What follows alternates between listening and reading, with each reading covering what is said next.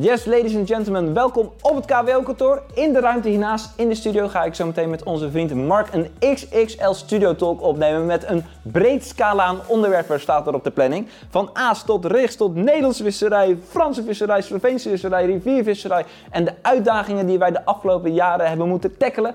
Dat gaan jullie zo meteen uh, lekker zien. Dus ik zou zeggen, pak een biertje of een cola en een beetje popcorn erbij, want we gaan anderhalf uur interessante studio talk ervan maken, jongens. Let's go!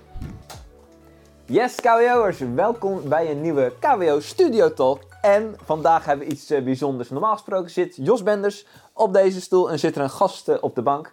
Ja, en vandaag zijn we in een soort nieuwe situatie beland. Want MH, vertel het eens eventjes. Ja, het werd eigenlijk wel eens natuurlijk eens tijd dat wij samen hier de studio in zouden duiken. We hebben ooit een keer heeft Jos een podcast met ons opgenomen, individueel. Ja. In het begin een keertje. En telkens zeiden van, joh, wij moeten ook een keer de studio in duiken. Elkaar even aan de tand voelen en even kijken waar we staan.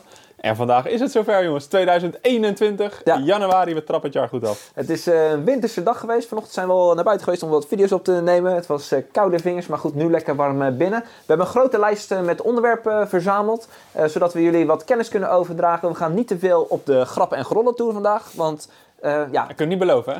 Ja, het zal altijd wel een klein element zijn. Nee, heel, we krijgen dus heel veel vragen van jullie van, joh, uh, hoe denken jullie over aas? Hoe denken jullie over rechts? Hoe denken jullie over aanpakken van een water? En daar willen we dus uh, vooral op inzoomen. Dat zullen we doen in onderwerpen, in blokken, zodat we misschien ook zelfs losse video's ervan kunnen maken. Dus voordat we aftrappen, MH, ik wil gewoon eens weten, hoe gaat het met je? Ja, eigenlijk wel gewoon helemaal prima, moet ik zeggen. Heerlijk. Ja, het is natuurlijk een beetje raar, we hebben een raar jaar achter de rug. 2020 natuurlijk, het coronajaar. Ja.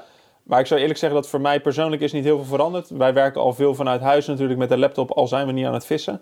Uh, dus dat was niet echt een verschil. Het was natuurlijk wel anders dan dat we niet zo relaxed naar het buitenland konden. Ja. Ik vind het zelf altijd mooi om naar Frankrijk te gaan. En Frankrijk was wel een van de meest lastige landen nu om heen te kunnen. Toen we naar Frankrijk konden, zijn wij natuurlijk ook gewoon direct als ja. brandweer daarheen gevlogen. Dat was vlot experience natuurlijk, een mooie avontuur. Inderdaad, ja, drie derde vlot experience. Maar ja, eigenlijk daarna was al vrij snel volgens mij weer die lockdown. Dus ja, mijn, mijn visserij heeft dit jaar weer heel anders eruit gezien als normaal. Ja, ja daar komen we meteen uh, ook uh, nog op te, gaan, we, gaan we zo meteen op door. Ik heb bijvoorbeeld uh, wat riviervisserij gedaan, ja, iets wat ik nog nooit gedaan heb. Ja, ik zit te denken eigenlijk, want na die vlot experience... Um, aan Ossie. Jij bent nog met Ossie natuurlijk ja. uiteindelijk weg geweest. Ja, de Ossie films zijn op dit moment zijn ze in de release. Deel 1 is al live, deel 2, 3 en 4 staan nog op de planning. En ook dit jaar komt er natuurlijk genoeg Ossie avonturen aan. Maar goed, uh, gezinssituatie, hoeveel kinderen heb je inmiddels uh, op de wereld gezet? Bij mij weten we nog steeds nul. Okay. Dus uh, als het goed is inderdaad. Nou ja, daar voor de rest gewoon helemaal prima. Ja, oké. Okay. Nou, biostabiel. bij mij is het ook gewoon rustig. Ik heb twee schattige van... Schattige... Hebt wel kleine oogjes, of niet? Ja, maar dat komt omdat die kinderen nog niet zo goed slapen. Dus, nog steeds niet? Ja, het is nog steeds... Het gaat wel iets beter. Laten we het zo houden, laten we positief zijn. En, dus jongens, Begin niet te vroeg aan kinderen, dat is een van de wijze lessen. Ik weet dat, uh, ik uh, kom uh, Ruud Hageman en Kees Dilder nog wel eens tegen oh, ja? in Frankrijk. En Ruud Hageman die heeft mij ingeprent en dat had hij ook tegen Kees gezegd, zei hij, begin niet aan kinderen voor je veertigste. Voor je veertigste? Ja, exact. Dus op zich... Ik, nee, jij bent op de goede weg dan. Ja, exact. Ik denk niet dat mijn vriendin er zo over denkt, maar probeer nog even uit te stellen. Nee, maar goed jongens, we kunnen natuurlijk niet te veel praten over uh, randzaken, want we zijn een Karper-website en uh, zeker met alle leden die zijn vast benieuwd naar de visie van mij, de visie van Mark op bepaalde onderwerpen. En laten we beginnen met nummer 1 gebied uh, waar eindeloos over gediscussieerd kan worden. Eigenlijk zijn er twee gebieden, natuurlijk rechts en aas. We beginnen met aas. Mark, je hebt de afgelopen jaren heel veel jezelf erin ondergedompeld. Terwijl ik denk dat wij wel kunnen zeggen dat we vroeger allebei vrij basic waren. Van joh, uh, een boilie en een particle. En daarmee gaan we aan de slag. Want als je teruggaat naar hoe je vroeger over aas dacht en hoe je daar nu over denkt, kun je daar eens eventjes een verschil eigenlijk in aanduiden? Um, nou, als je over aas hebt, dan moeten we denk ik inderdaad een onderscheid gaan maken tussen bolies en particles. Dus als we eerst in zouden gaan op bolies. Nee, ik ben eerst particles doen, want bolies... Zijn we snel, snel mee klaar? Zijn we snel mee klaar. ja. Ah, qua particles, ik zou eerlijk zeggen, in mijn visserij gebruik ik eigenlijk nauwelijks tot geen particles. Het enige wat ik gebruik zijn tijgernoten. En die gebruik ik voornamelijk in de warmere maanden. Dus dat is een beetje vanaf mei uh, tot en met september, oktober. Dat komt ook automatisch een beetje door, denk ik, dat ik dan de meeste visstrips maak. En dat tijgernoten ook gewoon een wat goedkoper aas is. Een aas waar je veel mee kan voeren en waar je ook veel vis mee kan vangen. Uh, andere particles, die gebruik ik eigenlijk nauwelijks. Ik weet nog dat jij vorig jaar een keer tegen mij zei... Boekwijd? Boekwijd inderdaad. Ja. vijf van die balen besteld. Uiteindelijk één keer gebruikt. Maar dat, ja. En hennep vind ik ook altijd, voor mij is dat altijd zo'n dingetje dat ik denk van oké, heel veel gasten zijn daar heel enthousiast en lyrisch over.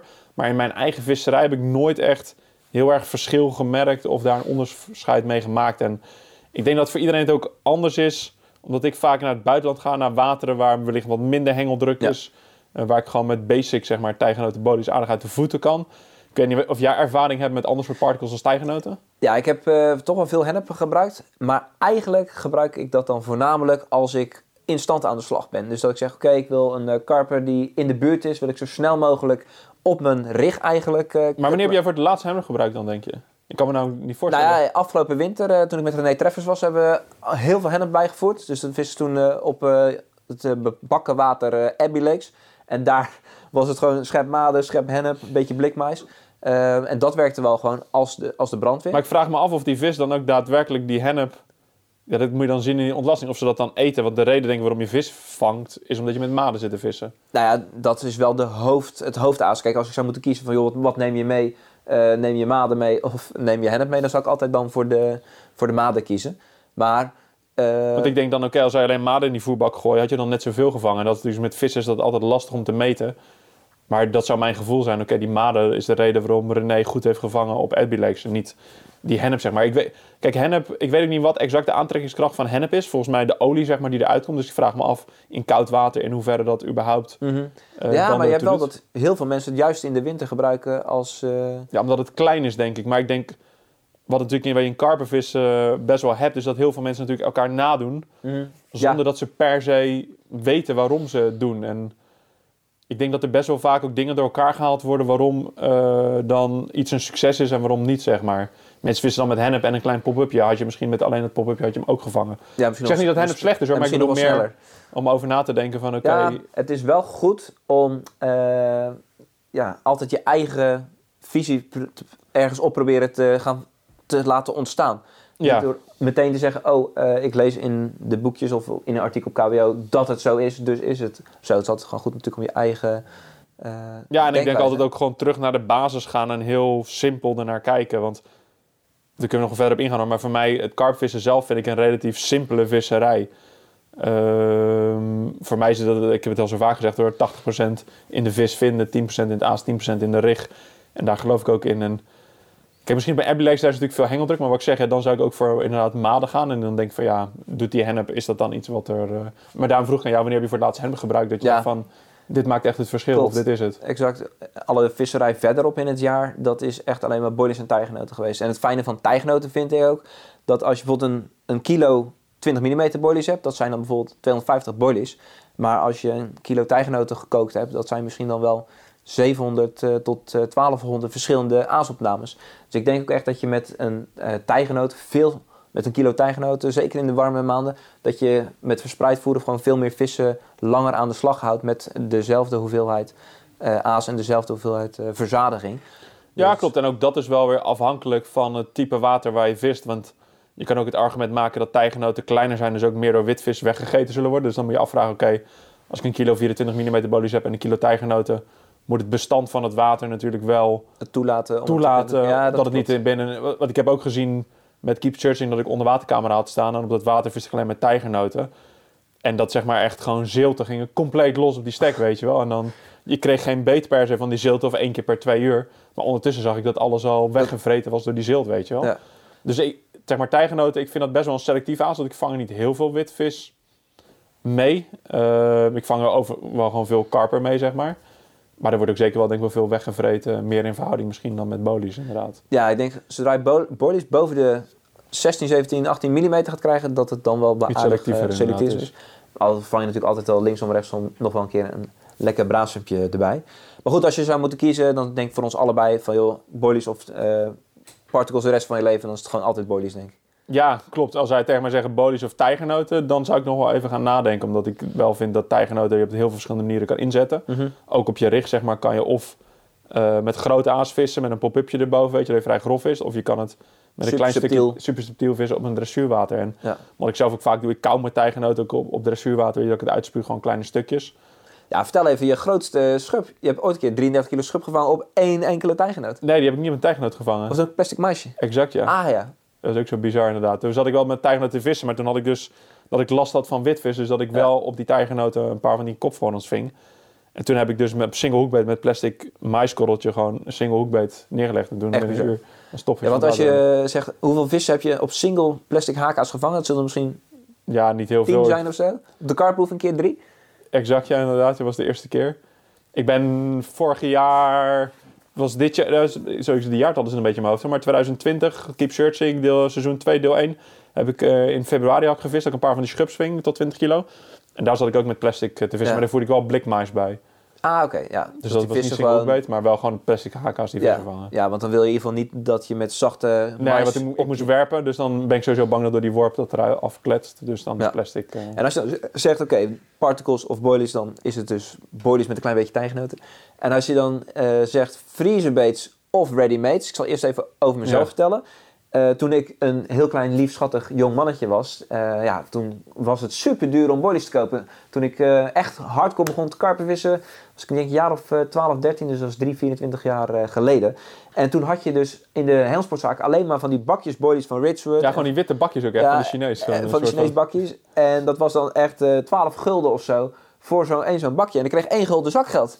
Ja, dan, dan, dan heb je vader wel... van jou wel gier hoor. Ja, ja, hartstikke eh, een dikke, dikke Volvo en dan mij geen zakgeld geeft. De vuile bloedhond. Maar goed, het, het mooie was dus dat ik dus dacht, ja, ik moet boilies hebben, ik moet boilies hebben. En toen ben ik zelf eh, gaan draaien. En dan als je er helemaal in zit, ik ben goed...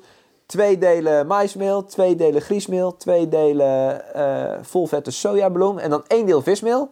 Dat was sowieso de supermix. Heb jij niet eh, met trouwfiet gevist vroeger? ook. En dan deed ik er rom en red door en knoflookolie. Dus dat was gewoon... ja. Stinken jongen, in die keuken van moeders. ja, Marlies vond het niks. Maar ja, daar heb je natuurlijk scheid aan, hè, als dat je jong bent.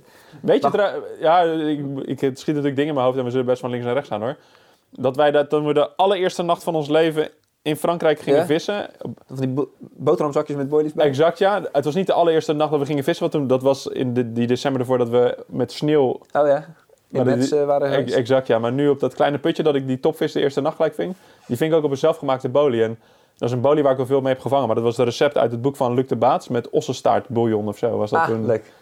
Dus, ja. eh, Maar in die periode was ik dus compleet ervan overtuigd dat het altijd beter zou zijn om met eh, een vriezenbeet te vissen. En nog steeds, ik, eh, als je dus vers gemaakt aas, ik denk dat dat, ja, dat aas wel gewoon zo vers mogelijk moet zijn. Maar ik heb het wel een beetje losgelaten dat ik denk, het moet maximaal drie dagen oud zijn. Eh, zeker omdat de laatste jaren hebben we zo goed gevangen met ready-made boilies. Dat, ja, dat ik daar ook gewoon eh, veel vertrouwen in heb. Maar bijvoorbeeld voor mijn trips eh, die ik met Ossie altijd maak. Dan laten we bij ProLine laten we aas afdraaien. En dat wordt dan bijvoorbeeld als wij op dinsdag weggaan, wordt het op donderdag ged- gedraaid. Dan droogt het heel het weekend. Maandag ingepakt, is het dinsdag bij mij. Ja, dat vind ik voor het gevoel vind ik dat wel lekker. Dat je denkt, wow, veel verser kan het, kan ja, maar ook dat vind ik is weer relatief. En daar valt ook een argument over te maken. Oké, de bestandsdelen waar jouw aas mee wordt gedraaid, hoe vers zijn die? En daar is denk ik best wel wat verwarring van, oké, wat bijvoorbeeld, hoe ik het begrijp, ik weet ook niet echt alle insights van de aasindustrie. Maar in ieder geval bijvoorbeeld een maismeel, dat wordt één keer per jaar wordt mais geoogst. Vervolgens wordt het tot maismeel gemalen en dan wordt het bewaard. Klopt. En dat gebeurt natuurlijk, jouw vismeel wat je in je bolie verwerkt, dat is niet, soms niet vorige week nog in de zee. Nee. Zeg maar, dat wordt, is dan natuurlijk een proces wat wel even duurt voordat het in je bolie zit. Dus het is wel leuk dat jij die bolie dan op dat moment... Super vers vers. draait. Ja, eh, maar alle ingrediënten die erin zitten zijn natuurlijk al even, even gemaakt, zeg Ja. maar. Ja, ja dat is een interessant, interessante gedachtegang. Want inderdaad, hoe vers is je boilie buitenom het, dat hij net gedraaid Ja, is? en het is leuk dat je dan een vers eitje gebruikt inderdaad. Maar ja, is dat dan het verschil? Voor mij persoonlijk, ik denk dat iedereen... Ik denk dat het ook een, vroeger veel meer was van... Oké, je koopt freezerbeest. Die waren ook veel voorhanden inderdaad, Ja. voor tegen goede prijs. Ehm, voor mij zijn er twee dingen waar ik dan aan denk. Eén is, oké, ik vond het echt altijd een mega gedoe... dat ik van tevoren moest bepalen hoeveel, aas ga ik gebruiken. Ja. En zeker toen ik nog zelf mijn aas moest kopen, weet je wel. Dat je dan een zaterdag ging vissen. En dan nam je mee en dan... Weet ik veel, ving je niks en dan... Ja, dan kon je Vind weer jij wel eens niks? Ja, Zelden natuurlijk, hè? Zelden. Laten we eerlijk zijn. Ja, is zelden. Nee, maar dan had je wel eens iets van, ja, dan ga ik ze weer invriezen. En op een gegeven moment deze vijf keer ingevroren, weet je wel. Dat schoot ook niet op. Gaat schimmelen, vergeet je in je auto. Al, Zeg maar gewoon het gedoe dat je niet weet hoeveel aas je daadwerkelijk gaat gebruiken. En daardoor dus veel verspilt. En ten tweede, als ik naar mijn visserij van de laatste vijf, zes jaar kijk... waarin ik eigenlijk alleen maar ready-mates heb gebruikt... Ja. ik heb niet het gevoel dat ik daardoor minder vis heb gevangen... of dat ik meer had gevangen met ready-mates, zeg maar. Dus voor mij persoonlijk maak ik geen onderscheid dat ik zeg van... ah, ready-mates eh, zijn slechter dan freezerbaits. Joh, ready-mates heb ik 110% vertrouwen in. En ik, Ja, ik durf dat ook tegen elke vriezenbeet, zeg maar, ja, aan te vissen. aan te vissen, ja. Ja. Oké, oké. Nou goed, wij hebben natuurlijk in 2016 zijn we naar eh Nash gegaan. Om met, eh, met die boys van Nash samen die... Ja, dat was de eerste KWO Special Bolie. ja, dat we echt eh. zelf een boilie wilden. Dat was dus een, ja, was een basismix van Nash. Het was eigenlijk de Key Cray en die hadden we aangepast inderdaad met, ja klopt, een zalmcomponent erin inderdaad. Ja, En daarna ben jij eigenlijk heel veel gaan bemoeien met eh, de boilies. Je bent er aardig diep ingedoken. We hebben ook eh, ja, iemand die ons helpt. En dat is echt fantastisch. Eh, ja, een, ja, mogen, ze- mogen we zijn naam zeggen of niet? Ik weet het niet inderdaad. Ik weet niet of je het leuk vindt, maar in ieder geval echt een van de boys die heel veel ervan weet. En die heeft ons geholpen met de KWO Squid Special en nu dan met de boilie die er nu aankomt. Maar ik, vond, ik vind het ook wel leuk om te zien hoe jij extreem gegrepen bent van joh, wat is nou bullshit en wat is nou wel gewoon echt iets wat werkt. Dus noem eens iets wat je geleerd hebt door de jaren heen, waar heel veel mensen van denken, ja, dat zal sowieso heel belangrijk zijn en werken.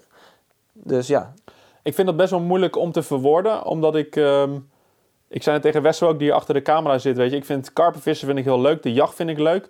Maar bijvoorbeeld een boek over de wetenschap of hoe een karper functioneert... dat spreekt mij helemaal niet zo aan. Dus ik ben niet iemand die zeg maar helemaal in die wetenschap duikt. Van oké, een karper die kan exact dit waarnemen en dat waarnemen. Ehm, ik vind het wel heel belangrijk dat als wij een bolie samenstellen... dat die gewoon mega goed is. Ja. Dus daarom heb ik zeg maar, ik mag wel zeggen, heb ik chef zeg maar erbij gehaald. Ehm, dat is iemand met 30 kijkt dit- jaar hij- ervaring. hij kijkt dit toch niet joh. Hij kijkt het toch niet? Nou, ik ga nog wel een podcast met hem opnemen over aas ook. Dus ik denk dat dat helemaal interessanter wordt. ja. Maar in ieder geval, hij heeft 30 jaar ervaring in aas. En ik heb dan hele onschuldige of vragen dat ik denk van... maar waarom werkt dit wel, waarom dit niet? En hij kan daar Super. mega goed antwoord op geven. En heel basic zeggen van, joh, weet je, dat is onzin. Dat is geen onzin. Ehm, wat ik zeg, ik denk dat we echt in die podcast dan gaan met hem erin duiken... dat er dan heel veel leuke dingen naar boven kunnen komen. Kijk, in de basis zegt hij ook dat een bolie... ehm, is een vrij simpel ding, zeg maar. Die karper wil gewoon eten. Het moet goed smaken en hij moet energie eruit kunnen halen, zeg maar. Het moet hem niet meer energie kosten om die bolie te verwerken... Ja. dan dat het hem oplevert. En dat is ook een beetje mijn visie geworden voor de bolies... en de bolies die wij nu ook zelf maken Attractief. is dat ik zeg, oké, als zodra die het water in komt, moet een vis het herkennen als voedsel. Dat hij in ieder geval wordt getriggerd van, oké, kan ik het eten? Vervolgens moet de smaak moet goed zijn en moet het prettig vinden om te eten. Chef heeft mij bijvoorbeeld geleerd, ik stond er helemaal niet bij stil, dat een karper een bolie al kan proeven voordat hij hem in zijn mond heeft. Oké. Omdat zijn smaakpupillen ook op de buitenkant zitten. Dus een karper kan daadwerkelijk langs bolies heen zwemmen en dan al zeg maar proeven wat voor aas het is. Dus de smaak is ook zeg maar belangrijk in een bolie. Ja, en dus de mate van hoe die het uitwasemt. Ja, exact inderdaad. Klopt. En dat zijn... ja, dat is best een technisch verhaal. Want je hebt dus verschillende attractoren in een body zitten... wat een karper zeg maar, aanspreekt. Dat zijn bijvoorbeeld aminozuren. Eh, die komen ook aan de natuur zeg maar, zelf vrij... hoe karpers hun eten vinden. En de chef is dan heel duidelijk in van... ik, ik roep nu de nummers, maar misschien zit ik iets naast ervan. Joh, je hebt negen aminozuren in totaal, verschillende types... Maar je kan er alweer drie afschrijven omdat, die niet, omdat de karper die niet waar kan nemen. Dus dan heb je nog maar een heel klein spectrum aan aminozuren over. En dan ga je kijken, oké, welke ingrediënten hebben welk aminozuur en hoe kan je die combineren zodat je een breed profiel hebt, zodat je veel karpers zeg maar aanspreekt.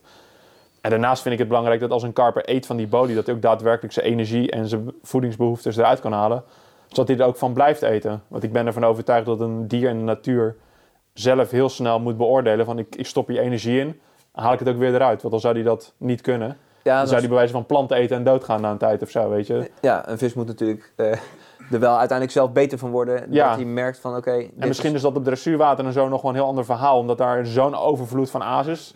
Dat die wel ook heel veel shit bewijzen van eten. Net zoals dat wij natuurlijk gewoon fastfood eten. Maar ik denk zeker op een natuurlijker water... waar het nog allemaal wat meer in, eh, in balans is... dat het belangrijk is om een aas te hebben...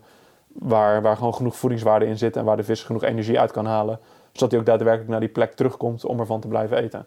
Ja, ja oké, dat klinkt als een. eh, En voor mij persoonlijk qua aas, zeg maar... en dat is ook bij ons een beetje de visie... is dat ik denk dat een aas van nature attractie moet hebben... mhm. Ik geloof niet heel erg in, in, in synthetische flavors. Chef heeft mij ook duidelijk uitgelegd van oké, je hebt natuurlijk honderdduizend smaken flavors, maar Van persik tot de banaan. exact, maar in de basis komen die allemaal op hetzelfde neer. Dus het eigenlijk maakt niet uit of je banaan of aardbei bij wijze van kiest, omdat de basis waarop de flavor is gemaakt dezelfde attractie geeft. En of het dan, of wij het label banaan eraan toevoegen of aardbei, Ja, dus heeft nooit een dat verschil aardbei. genees. Weet niet wat een aardbei is natuurlijk. Nee, klopt, maar ook onder water is, het, is daar geen verschil meer waarneembaar. Dus je kan net zo goed die basis van die flavor gebruiken zonder een toegevoegd voor ons aardbeiengeurtje. Hij functioneert dan hetzelfde, zeg maar.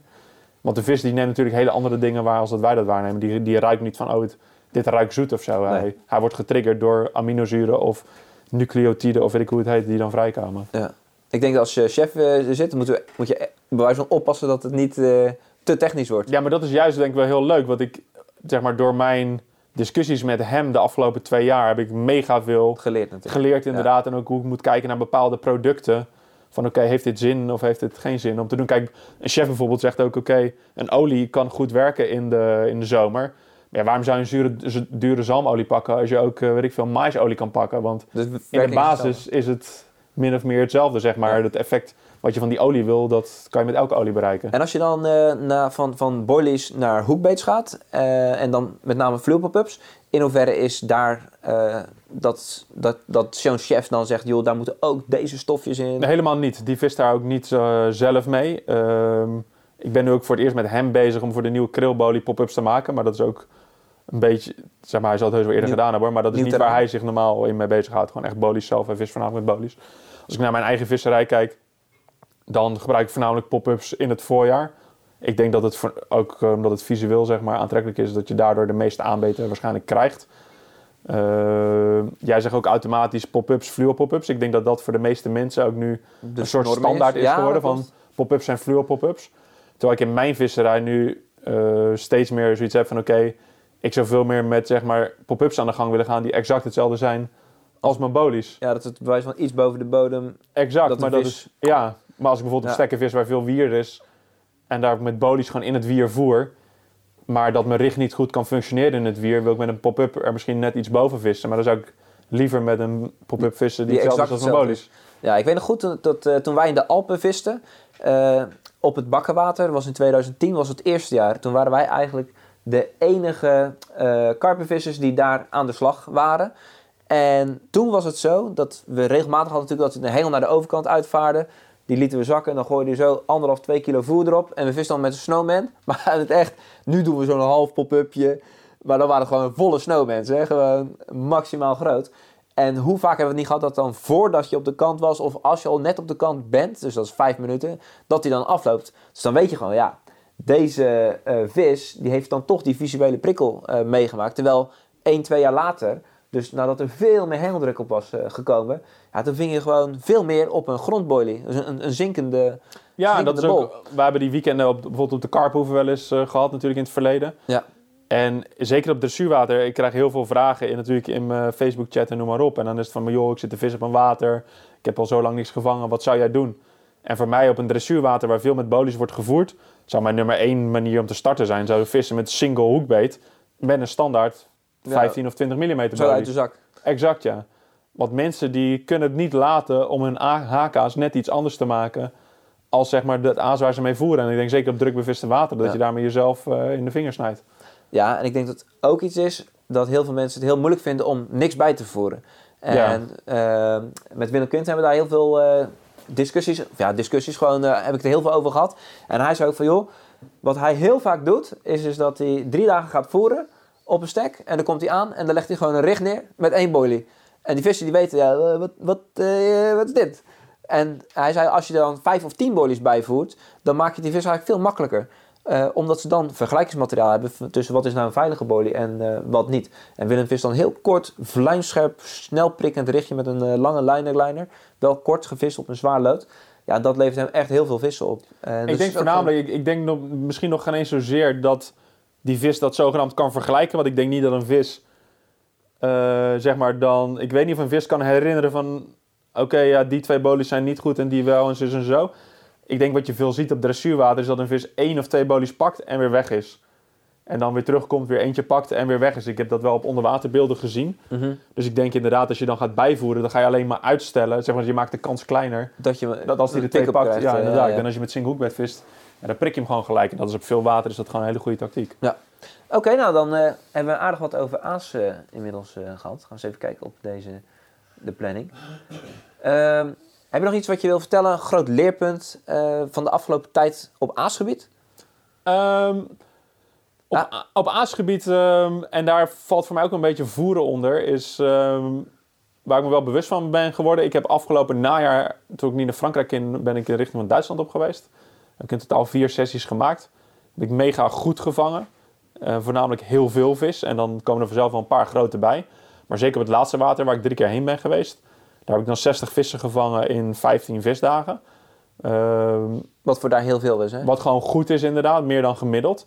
Maar mijn grootste vis was maar 21 kilo. Terwijl het water, dat er heel veel grote vissen zitten. En die locals zei dat tegen mij. En later dacht ik van ja, er zit wel een punt in. Op een water waar een heel groot bestand zit aan vis, dus gewoon veel grote aantallen. Maar dat er ook veel grote vissen zitten, ben ik er niet meer van overtuigd dat veel voeren de sleutel is om die grote vissen te vangen. Ik denk dat ik mezelf daar in de vingers heb gesneden doordat ik veel Stekken gevoerd heb. Waardoor er heel veel activiteit op de stek was en dat ik relatief veel kleine vissen heb gevangen. Ja, misschien is het ook zo, op dat water mag je natuurlijk maar met twee hengels vissen. Dus je zit dan vrij snel altijd met twee hengels op je voerstek te vissen. Dus als je met vier stokken kan, leg je er altijd wel eentje Kunnen we jou verder weg vissen wat verder weg. Oké, Dus ik denk inderdaad, als je heel veel voert, dat je ook heel veel activiteit op je stek krijgt. En dat heb ik ook op dat andere water gezien waar ik die hele grote vis heb gevangen ook. Ja. Op een gegeven moment ving ik daar eh, zo snel vissen achter elkaar. Dat was een dag had ik 22 vissen. Zeg maar van 8 uur s ochtends tot zeg maar 6 uur 's middags. ja. En toen heb ik op een gegeven moment GoPro neergezet omdat ik zo snel beet kreeg. En toen, ik was net be- beeld uitgezwommen en toen binnen 20 seconden waren er vier vissen aan het azen. Maar alleen maar kleine, kleinere vissen, zeg maar. Dat waren allemaal zulke visjes. Ja. En dat kwam, ik bleef maar bijvoeren elke keer. Want normaal, als je een stek aan de loop hebt, heb ik zoiets van... joh, je moet blijven bijvoeren, blijven bijvoeren om die vis erop te houden. Maar als er heel veel kleine vis zit, dan ga je die grote vissen niet vangen. Dus dat was voor mij wel dat ik dacht van, oké. Nee, of je moet gewoon een beetje geluk hebben. Zoals wij in Slovenië eigenlijk best wel vaak Ja, eh, geluk hebben gehad. doorvissen. eh, dat we, ja. ja. Nou, een van de dingen die ik afgelopen jaar dan geleerd heb, eh, wat ik heel opvallend vond, was dat, dat we tijdens Vlot Experience, terwijl die vissen gewoon goed vangbaar waren, dat we op onze voerstekken niet echt het echt aan de loop kregen. Dat het meer was dus pielen, een beetje tussen de open plekjes in het wier. En toen dacht ik ook van ja, niet alle wateren zijn nou ook echt heel het jaar door rond geschikt om veel te voeren. Eh, Maar ik denk dat het daar wel echt locatieafhankelijk van was. Want waar we de meeste vissen hebben gevangen, uiteindelijk was in dat wierbed. En op de andere stekken, zeg maar. Uiteindelijk hebben die stek nog wel een soort. Hadden we wel een mooie serie vissen erop, die op het midden op het water. Waar we op het wier visten Ja. en bij die meervallen. maar het idee, ik had niet het idee dat het nou echt kwam doordat we aan het voeren waren. Ik denk wel dat veel voer werd opgevreten door Het is eh, in de ieder geval wel, meervallen. ja, klopt. Maar ik denk inderdaad, daarom denk ik ook dat locatie is het allerbelangrijkste. En als je dan locatie plus voer kan doen, dat je dan helemaal... eh, Ben je de man? Oké, nou dan gaan we door naar het eh, tweede gedeelte.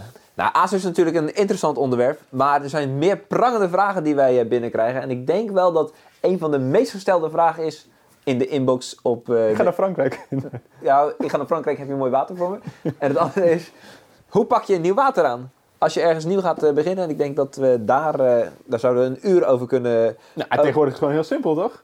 Gewoon ruts die drone eroverheen. Ah, ja, ja, ja klopt, klopt. Maar dat is natuurlijk maar een deel van, van het verhaal. Ik zal zelf even aftrappen. Vroeger, toen ik een klein jong jongetje was, had ik natuurlijk mega veel vistijd. En was het, ja, een van de leukste dingen om te doen, was het zelf helemaal van A tot Z ontdekken van wat zwemt er op een water. En bij ons in Zeeland had je dus relatief ja, eh, weinig wateren, en, maar ook heel weinig vissers. Dus je kon echt nog pionieren. En dat is wat wij in de Alpen ook wel een beetje hebben kunnen, kunnen doen. En als ik daar nu op terugdenk, was het eigenlijk wel een van de hele meest mooie tijden uit mijn uh, vissersleven. Dat je zo weinig mogelijk wist. Maar nu is informatie zo makkelijk uh, beschikbaar en voorradig dat ik mezelf er ook wel betrap dat ik dus uh, ook wel vaak voor de makkelijkste weg kies. Dus voordat ik ergens ga vissen, ga ik het eerst helemaal van tevoren uh, uitpluizen. En ja, heel eerlijk, ik denk dat jij ook wel een beetje zo bent. Nou, uh, deels wel en deels ja. Um, je wil even weten of er grote vis zit. Dat is voor mij het enige wat ik maar hoef te weten. Dat het de moeite is om mijn tijd zeg maar, dan en energie in te gaan steken. En voor de rest wil ik dan eigenlijk verder niet heel veel meer weten. Um, want dat is voor mij ook... Ten eerste, kijk, je hebt met een paar dingen daar te maken. Eén, informatie zeg maar, wat je opvraagt. Oké, okay, hoe betrouwbaar is het? Heeft die persoon er zelf daadwerkelijk gevist? Wat is het resultaat geweest? Want ook hier heb je veel dat mensen elkaar weer napraten van ah ja, je moet, met, uh, je moet daar in de Alpen, in de Alpen is druk, kan je niet meer vissen en dan zijn ze zelf nooit geweest. En als je daarheen rijdt zit er niemand, weet je wel. Dus mensen praten daar ook heel veel naar. En daarnaast denk ik juist dat je kracht is als jij met een verse blik op een nieuw water komt, dat je dingen heel anders weer ziet als de locals. Ja. Die wellicht al wat meer vastgeroest uh, bij wijze van zitten. Ja, ik denk een van de, van de beste voorbeelden daarin is nog wel de Black Mirror. Dat is, een, uh, ja, dat is natuurlijk een grote zwarte spiegel uh, die bij ons gewoon hier in Nederland zwemt.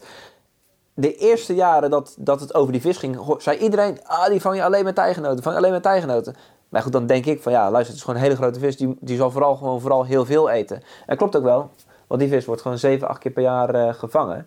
Maar goed, eh, ik denk dat de meeste mensen die daar zijn gaan vissen, die beginnen daar waarschijnlijk met tijgenoten, omdat ze dus die informatie dan Ja, en het is horen een en- self-fulfilling prophecy, zoals we dat noemen natuurlijk. Want als iedereen met tijgenoten gaat vissen, is het logisch dat die vis er ook meer mee gevangen wordt. Ja. En Het zou heus wel kunnen dat die vis een voorkeur heeft, maar ik denk dat dat inderdaad een goed voorbeeld is van mensen horen wat en gaan dan allemaal, Er, uh, eh, allemaal hetzelfde doen. Ja.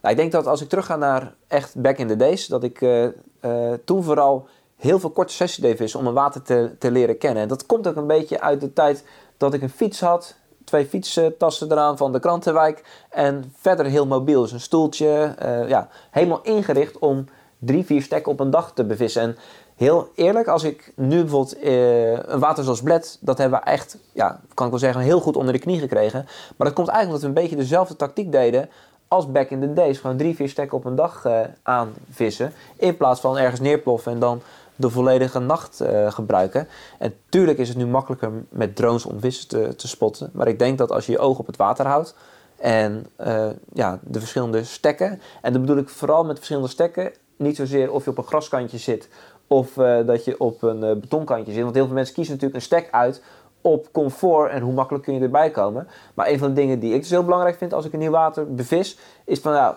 hoe zijn de stekken onder water? Dus als ik een water wil leren kennen, zou ik kiezen van oké, ik ga een stek vissen op de ondiepe zone. Ik heb, zie daar een wierveld, wil ik ook een paar uur vissen. Oh, we hebben daar een heel diep gedeelte. En of het dan heel veel moeite kost om daar te komen, ja, wij hebben allebei wel gemerkt dat het gewoon loont om uh, de lastig bereikbare plekken ook te bevissen. Ja, en ik denk juist ook voor mensen die voornamelijk in Nederland vissen, waar toch wel veel hengeldruk is, zou ik mijn eerste optie zijn, oké, welke stek wordt het minst bevist op een water? Of welke, welk gedeelte laten mensen links liggen omdat het te veel moeite is om er te komen? Want ik denk zeker dat stekken waar altijd gevist wordt, blijven vis opleveren. Maar ik denk dat het moeilijker is om daar een vis te haken, dan dat als je misschien 300 meter verderop in een dood hoekje diezelfde vis voorbij komt zwemmen, omdat hij niet gewend ja. is dat hij daar normaal uh, geprikt kan worden. Dus ik, ik denk dat het zeker loont om moeilijk bereikbare stekken. Ja, ik weet wel een aantal anekdotes over. Uh, onder andere van een zwaar bevist water uh, in Nederland heb je één stek waar je supergoed erbij kan komen en waar eigenlijk altijd vissers zitten. En wat je daar ziet is dat daar voornamelijk de grote zware vissen telkens opnieuw uitkomen. Maar dan komt dat er gewoon altijd voer ligt? Ja, exact. Dus omdat er altijd iemand zit, wordt er altijd uh, gevoer, gevoerd. En die grote vissen zijn natuurlijk toch, ja, die moeten meer eten. Ja. Die hebben dat voedsel nodig en worden daardoor dan ook vaak geprikt. Maar als je series wil draaien, als je meer vissen wilt vangen, ja, dan moet je niet eigenlijk op die bekende topstek gaan zitten. Uh, en dan, als je rondom het water gaat vissen, ga je dus meer vis vangen. En ik ben er toch wel van overtuigd dat hoe meer je vangt, hoe meer je gaat leren. En niet alleen zozeer op het water zelf, maar gewoon ieder water wat je opnieuw bevist, dat geeft jou, als je het op den duur doorkrijgt, het is weer een stukje informatie. En dat steek je zo in je rugtas der karpenvisserij. En hoe groter jouw rugtas gevuld is, hoe meer succes je zal hebben als je op een nieuw water uitpakt. Kijk, wat je uh, veel ziet, uh, denk ik nu, is dat mensen heel makkelijk hebben ontdekt, oh daar zit grote vis. Dus na twee jaar karpenvissen gaan ze dan op een water vissen waar grote vis zit en vervolgens blenken ze er veel. Terwijl, zowel jij als ik, en het is niet zo van, goh, wat zijn wij uh, goed. Maar uh, wij hebben natuurlijk helemaal die, die cyclus doorlopen van beginnen op een parkvijver. Ja, maar dat is ook wel weer relatief. Ik, ik snap welk, welk punt je wil maken en daar ben ik het natuurlijk, in de basis ben ik het daar wel mee eens. Maar toen ik jong was, was de grootste vis we hadden toevallig een, een, put liggen waar wel echt grote vissen voor die tijd zaten. Praat je over 36 pond. Maar, ja, dat, zeg maar tegenwoordig is dat niet meer zo heel bijzonder. Wel groot, maar... Maar kijk, ik denk dat de hele ten dagen zwemmen er ook gewoon veel meer grote vissen. Dus het is ook logisch uh, dat mensen eerder zeg maar, op zulke vis gaan, omdat ze veel voorkomender zijn. Als wij een 40er wilden vangen vroeger, moest ik zeg maar, vanuit Den Haag naar Den Bosch of zo gaan rijden. Ja. Want daar zwommen dan op de, weet ik veel, de Oosterplas of zo, zwom dan één uh, vis van 21 kilo. Ja. Zeg maar, dus er waren ook veel minder grote vissen. Dus ik denk dat het logisch is dat mensen nu ook meer grote vissen willen vangen. Omdat ze er ook gewoon meer zijn. En je ziet meer mensen om je heen die dat dus inderdaad vangen. Kijk, op het nieuw water... Uh, hoe jij het beschrijft, dat heb ik vroeger ook gedaan met de fietscar, weet je wel. Dan ga je een middagje vissen. Gewoon letterlijk uit school drie, vier uurtjes vissen en dan wil je vis vangen. Ik denk wel dat je ook zo realistisch moet zijn dat als jij zegt van... Oké, okay, zo was mijn visserij vroeger, maar ik wil nu naar uh, Noord-Frankrijk Duder gaan, dat die tactiek, nee, nee, nee, dat, dat heeft geen zin, anders. zeg nee. maar. Dus dat type water vereist ook een veel grotere investering, een langere investering, om dan uiteindelijk daar succesvol, denk ik, te zijn. En dan alsnog denk ik wel dat het heel erg helpt om heel veel verschillende stekken, zeg maar, te gaan bevissen. Ja, de onderwater. Maar dat je misschien elke 24 uur één stek, weet je wel, dat je in ieder geval een aasperiode hebt meegemaakt. Ja, ik, ik denk, denk nog steeds dat veel mensen daar ook... Uh, daar ook de mist in gaan omdat ze die moeite niet er willen insteken. En dat is ook helemaal prima, maar dan moet je ook niet verwachten zeg maar, dat je opeens op een berg met goud komt. Ja, misschien eens in de zoveel tijd als je geluk hebt. Ja, ik denk dat als wij naar onze sessies kijken, dat de beste sessies zijn vaak de, de tweede, derde, vierde keer dat je op een water eh, komt. Omdat je dan eigenlijk gewoon de, de, Ja, kan je veel sneller schakelen. de rugzak die je hebt zit vol met ervaringen van hetzelfde water, maar ook van andere water, van andere jaren. Eh, en dan leg je die puzzel een stuk, eh, een stuk makkelijker. En daarmee moet je ook wel bewust van zijn dat als je die ervaring allemaal opdoet, dat je ook daadwerkelijk daar wat mee doet en dat je het bewust ook opslaat in je hoofd.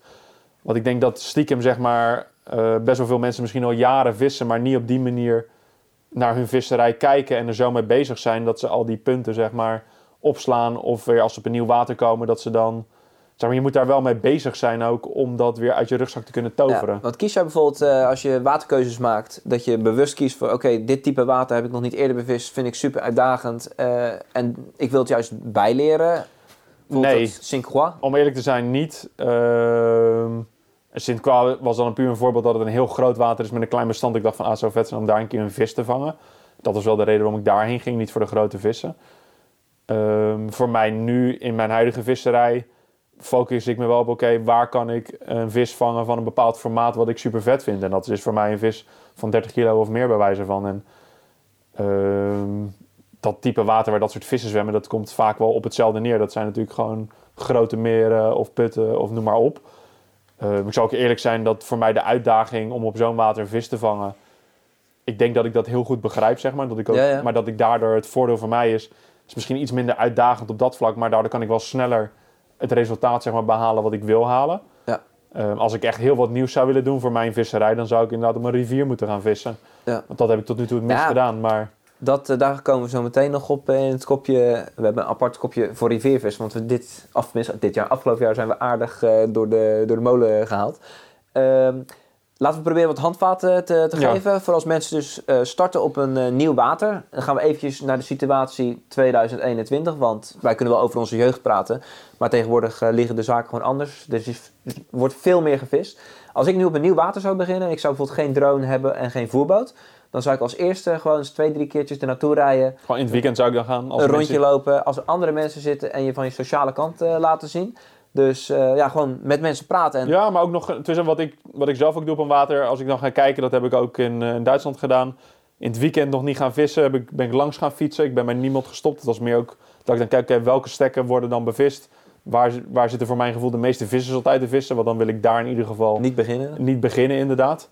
Ehm, maar als je sociaal aangelegd bent, ja, dan kan het zeker lonen om met mensen te praten. Probeer alleen niet alles wat je hoort als waarheid, Ja. zeg maar, in je hoofd te printen. Van, ah, hij zegt dat ik daar Met bij die boom moet vissen, bij die... Ja.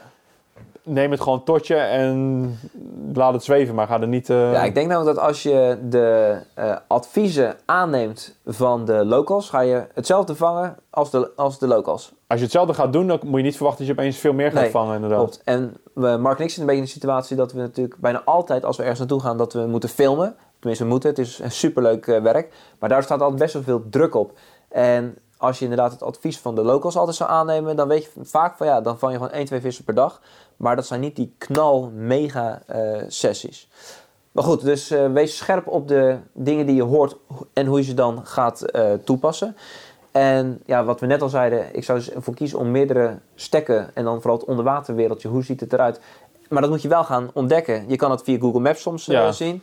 Eh gooi met een lood. Heel veel mensen denken, ja, ja ik heb geen voerboot. eh, hoe moet ik nou weten hoe het er onder water uitziet? Een pijldobber gebruik ik echt zelden. Nee, vind ik ook te veel gedoe. Vaak komt dat ding niet omhoog, zit hij in de klit en noem maar Ja. op. Dus ik ga dan liever met een stuk lood en gevlochten lijn werpen. En voelen. En dan ongeveer tellen hoe diep het is. En dan maakt het geen eens uit als je zes tellen hebt of het dan zes of vijf meter is. Het gaat meer erom, hier heb ik zes tellen en daar heb ik vier tellen. Dus er zit daar een verschil. Dus dat is een potentiële stek inderdaad.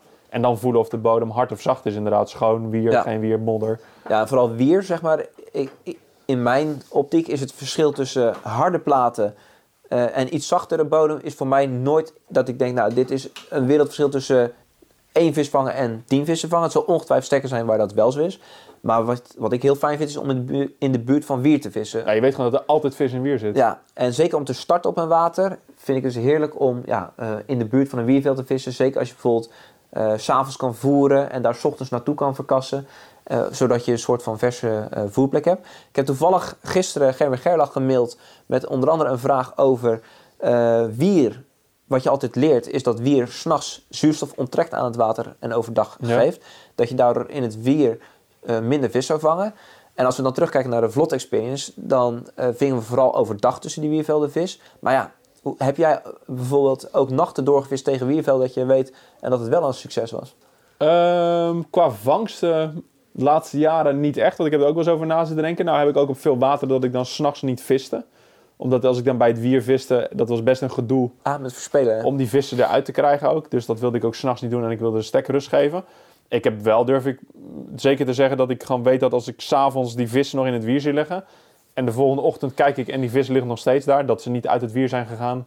Ik geloof niet dat ze... En nee, dan, dat, weer, dan weer uh, terug. Ik ben wel echt van overtuigd dat veel vissen waar ik heb gevist, dat die vissen in het wier ook s'nachts bleven. Ja. Of je ze dan vangt of niet, dat, uh, ja, dat daar heb ik geen goede voorbeelden van. Nee, ik vind dat, dus ik vind dat ook lastig, zeg maar. Die, uh, of je nou wel of niet s'nachts bij wiervelden moet vissen. Ik denk dat misschien gewoon uitproberen en als het dan niet werkt. Ja, en ook daar is weer relatief, want de wateren die ik bevis met wier, die zijn vaak 90% vol met wier. Dus ja, in Frankrijk, in Nederland ook minder. En als we dan gaan naar instant of voorvoeren. Uh, jouw visserij in het buitenland is denk ik toch wel vaak dat je één, twee keer eh, wat voer in ketst en ondertussen wacht totdat je voerstekker loopt, lopen en vervolgens wel ergens gaat vissen instant. Vind je het bewijs van het instant pielen leuker dan het uh, knallen op een voerstek? Nee, niet per se, want het liefst vang ik zo snel mogelijk en zoveel, en zoveel mogelijk vis. En voer helpt daar sowieso inderdaad bij om snel beet te krijgen. Omdat die vis gewoon het vertrouwen al heeft dat je erop komt. Ik ben niet het type visser wat je bijvoorbeeld in Nederland waarschijnlijk meer ziet. Is dat die weken in weken uit een stek aanvoeren. Dat die motivatie of die energie. Nee. Dat zou ik in Nederland niet kunnen opbrengen om elke dag daar bezig te zijn. Als ik een week ga vissen in het buitenland, dan ben ik helemaal hyped en dan ga ik er 100% voor. En dan vind ik het niet erg om meerdere keren per dag zeg maar, dat te doen. Dus mijn voerstekken zijn ook heel relatief vaak zijn er twee of drie voerbeurten. En ik zeg ook beurten, want dat zijn niet altijd dagen. Het kan ook ochtends en s avonds zijn. Dus dat is voor mij twee keer voeren. Uh, dat ik twee of drie keer voer en dan op een stek vis. En als ik dan niks vang, dan schuif ik ook gewoon die stek af. Want dan weet ik in ieder geval van, oké, ik, heb, ik heb gevoerd, ik heb gevist, niks gevangen. Ik heb, ik heb nog maar zes dagen, vijf dagen. Ja, dus als je instant op een stek zou vissen en niks zou vangen, dan kan je nog denken, oké, oké, misschien had ik moeten voeren, weet je wel. Dus ik probeer wel vaak te voeren om dat, uh, die onzekerheid soort van weg te nemen. En mijn ervaring is ook zeker als je meerdere keren per dag voert, dat je gewoon als er vis zit, deze ook snel, uh, snel kan vangen dan. En tegenwoordig spring ik ook vaak gewoon het wagen in en dan ga ik even kijken. Uh, ja, ik denk dat, je, uh, dat je daar zoveel van geleerd hebt. Ja, 100%. Van het, van het onderwater. We gaan dit jaar sowieso meer met onderwatercamera's willen we gaan doen. Ja. Ehm, omdat ik denk dat dat de grootste gamechanger nog kan zijn qua kennis vooral, om dat binnen te krijgen. Ik denk als je echt succesvol op een water wil zijn, moet je kunnen visualiseren hoe dat onder water eruit ziet. Dus als ik bij een water aankom, dan wil ik eigenlijk gewoon zeg maar, bij het water staan en gewoon weten, oké, daar zit dat wier onder water, daar weet ik dat er een bultje zit, daar is de bodem zacht, daar is de bodem hard, daar is 6 meter, daar is 8 meter. Want als ik dat gewoon in mijn hoofd helemaal heb zitten, zeg maar die blueprint van een water, dan kan ik heel snel schakelen van, oké, ik heb nu hier gevist, ik heb niks gevangen, ik heb op 6 en 4 meter gevist. Oké, dan weet ik dat ik naar de andere hoek moet, omdat het daar 3 meter is. Misschien zit ze daar. En de wind staat erop. Exact. En dan kan je denk ik veel sneller schakelen en kan je veel sneller ook oordelen waarom je misschien niks gevangen hebt. Dus de investering, zeg maar. Ik ga vaak ook al naar een water toe, ook in het buitenland. Uh, dan combineer ik het. Als ik dan een vissessie heb en ik weet, oké, ik wil in de toekomst op dat water gaan vissen, dat ik alvast daarheen ga. En dat ik dan al, inderdaad, dat ik dan die investering ook al doe met een hengelstuk lood, boot, ja. noem maar op, GPS-punten. Ja, ik heb ook uh, dat ik uh, wateren waar je bijvoorbeeld niet met een boot op mag. Maar ik wilde dan wel weten hoe die bodem overal eruit zat. Dat ik er om één uur s'nachts naartoe ging, een boot uit mijn bus trok met dieptemeter erop. En dat ik dan tot uh, half vier aan het varen was, zodat niemand het zag. En s ochtends, of tenminste ja, nog midden in de nacht, trek je die boot weer naar binnen. Maar dat was dan eigenlijk het beste vistechnisch. Kijk, het is wat regels overtreden. Maar het is qua om keuzes te maken, ga ik links of ga ik rechts tijdens je visserij. Ja, helpt het je enorm als je dat die, die kennis hebt van. Het, ja, en ik denk dat wij ook daar, daar nog veel in kunnen verbeteren. Ook op de manier waarop je inderdaad bijvoorbeeld een dieptemeter gebruikt. Want daar zeg maar, zijn wij helemaal niet uh, geavanceerd in. Weet je, ik gebruik een dieptemeter basic. Nee, wij zijn, wij zijn een beetje type mens, en dat kan ik wel zeggen, dat als er een drone is of een voerboot, dan zijn we dus zo van, oké, we zetten hem aan. Ja, hij doet het en we gaan hem gebruiken. Terwijl eh, ja, wij hebben bijvoorbeeld twee jaar met een drone gevlogen voordat we een beetje door hadden dat je, dat je zo'n tracking modus erop had. Dus ja, eigenlijk is dat heel slecht natuurlijk. Ook omdat we filmmakers zijn. Het is gewoon mooi als je dan met je auto door een weiland rijdt langs een water. Dat, dat automatisch- automatisch niet dat je zelf nog zo zit, eh, zit te sturen. Ja, maar ik denk dat daarom op het gebied van dieptemeters... en als je dan naar de roofvis kijkt... hoe gedetailleerd zij naar die vissen kijken... kunnen identificeren, stekken, Oh, ja. kijken met sidescan... Zeg maar, daar valt voor ons echt nog een hoop te leren, denk ik. Ja. Eh, en ik weet dat Samir daar nu veel mee bezig is natuurlijk... waar we nu de video's van posten.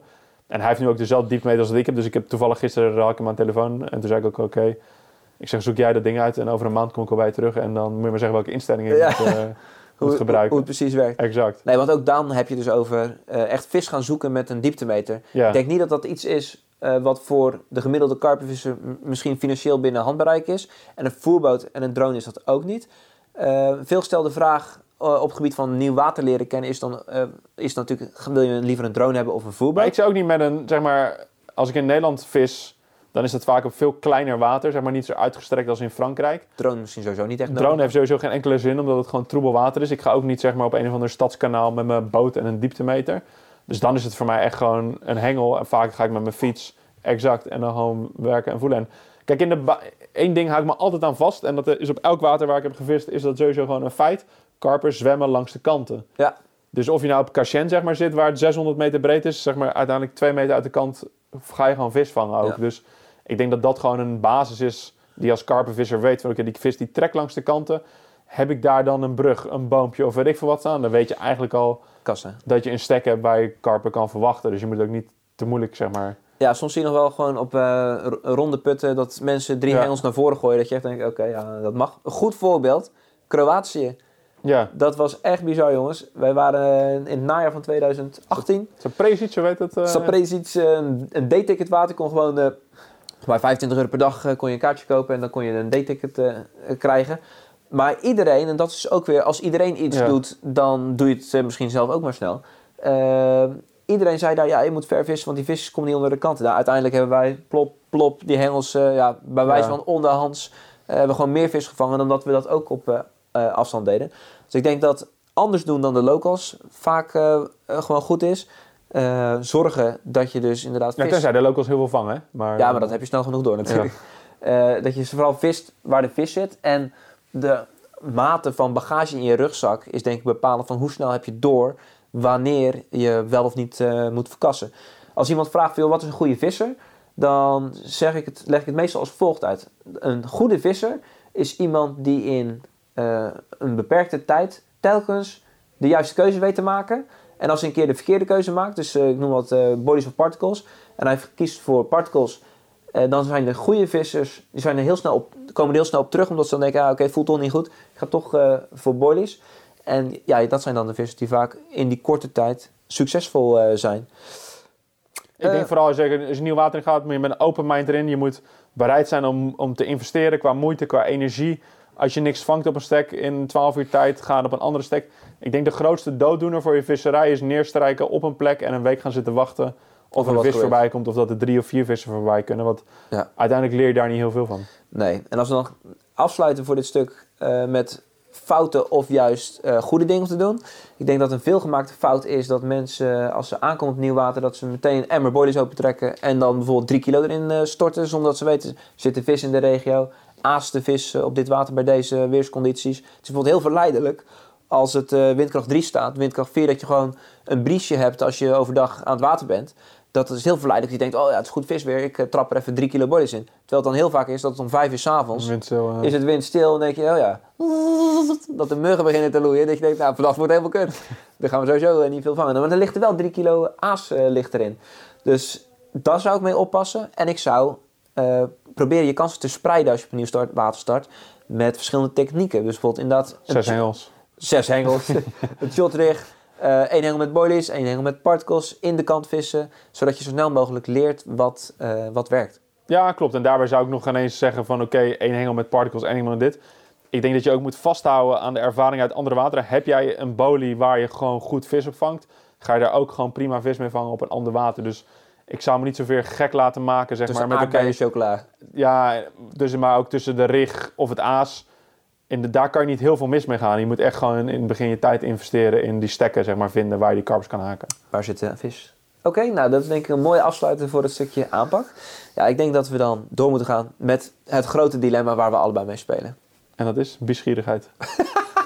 We hebben net Aals besproken, aanpak van in nieuw water. En uh, uh, nu wil ik het met je hebben over Slovenië versus Frankrijk. oh ja. Twee lievelingslanden van ons allebei. Uh, ik weet wel waar jouw voorkeur een beetje naar ja, gaat. 0% twijfel. Dus laat ik beginnen met mijzelf. Heel veel mensen vragen mij, joh Pilar, wat is nou eigenlijk jouw favoriete visland? En ik heb natuurlijk de laatste jaren veel in Slovenië gevist.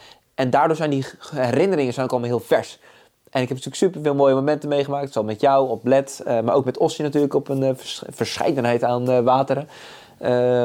dus ik heb er mega veel plezier gehad. Maar ik denk toch, als ik zou moeten kiezen waar ik de rest van mijn leven zou willen vissen, dan is dat Frankrijk. Alleen omdat er 10.000 keer meer opties zijn ook om überhaupt ja, te vissen. Exact. Qua, wat, Slovenië is leuk, maar uiteindelijk zeg maar, gaat iedereen naar de driezelfde wateren toe. Ja, nou, drie is wel heel weinig, maar... Ja, kan je er meer noemen? Ja, ik heb vijf, zes wateren waar ik weet, er zitten 20 kilo vissen. Ja. Maar dan houdt het uh, best wel een beetje, beetje op. Als je over de kaart van Slovenië gaat, dan denk je, is hier geen water?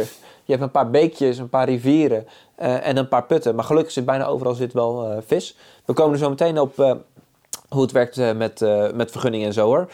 Maar ja, jouw favoriete visland is dus Frankrijk.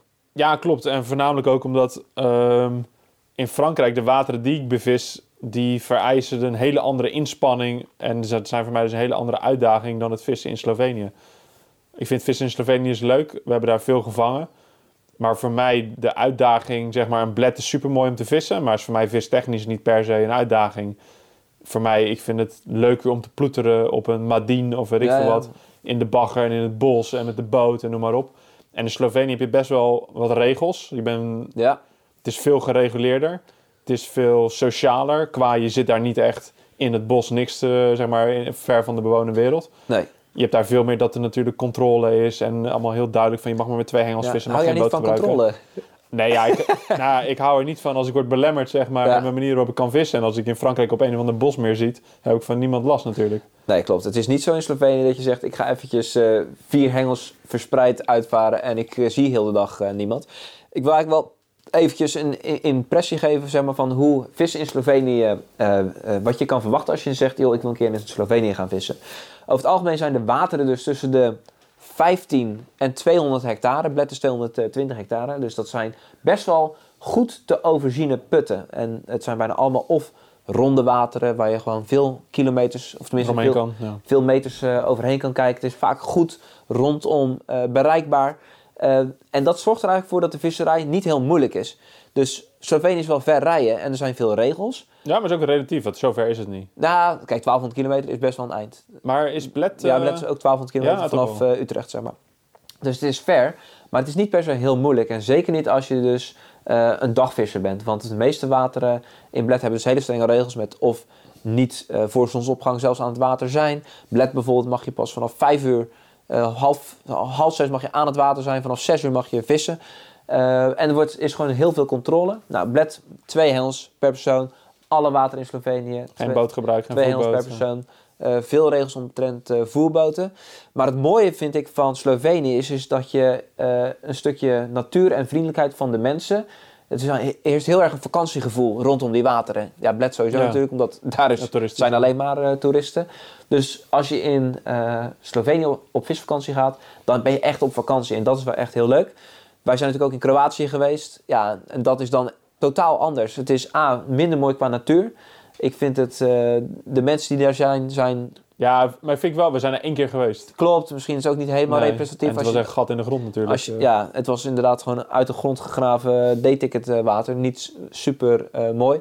Maar de natuur in Slovenië waar ik dan gevist heb, dat is wel uh, top. Maar ik moet zeggen, bijvoorbeeld Oostenrijk, eigenlijk ook veel mooier. Omdat je veel meer bergen hebt. Daar zijn natuurlijk en ik een aantal ja. keer geweest. en veel wilder. Veel ruiger, denk ja, ik. gewoon. klopt. Dus Slovenië is een super mooi land. En als je zegt, joh, hoe moet je daar een vergunning fixen? Dat is eigenlijk de grootste grap van allemaal. Als je ziet hoe ongelooflijk makkelijk het is. Als je namelijk in Slovenië wil uh, gaan vissen, dan ga je op Google intoetsen Fishing License Slovenia Carp. En dan kom je op uh, Rimiski-karten. Kunt, eh, en dat is eigenlijk een soort zoekmachine. Dus je hebt eh, allemaal sterretjes je staan, net als Google Maps. Kun je op klikken en dan... eh, Vaak staat er ook bij al wat de grootste vis is. Exact, dan opent zich een soort portfolio van het water. Daar kunnen vissers hun vangsten in eh, uploaden. En zo hebben wij ook een aantal wateren leren kennen. Zo van, oké, eh, het staat in Ribiski-karten. Even kijken wat het kost. Oh, nou, ik zie hier ook dat het eh 20 euro per nacht is. Eh, en zo kun je bijvoorbeeld een day-ticket kopen of een 24-uurs eh, ticket.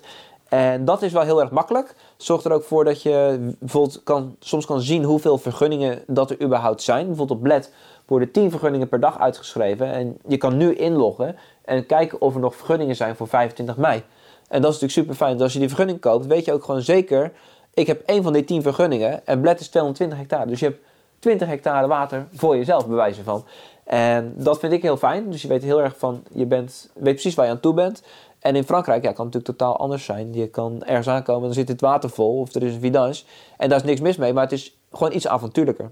Nou, dat is het inderdaad. Want in Frankrijk heb je dus het voordeel dat als je daar een interfederale carte de pêche koopt, dat je eigenlijk voor 100 euro op 99% van de water in Frankrijk eh, terecht kan.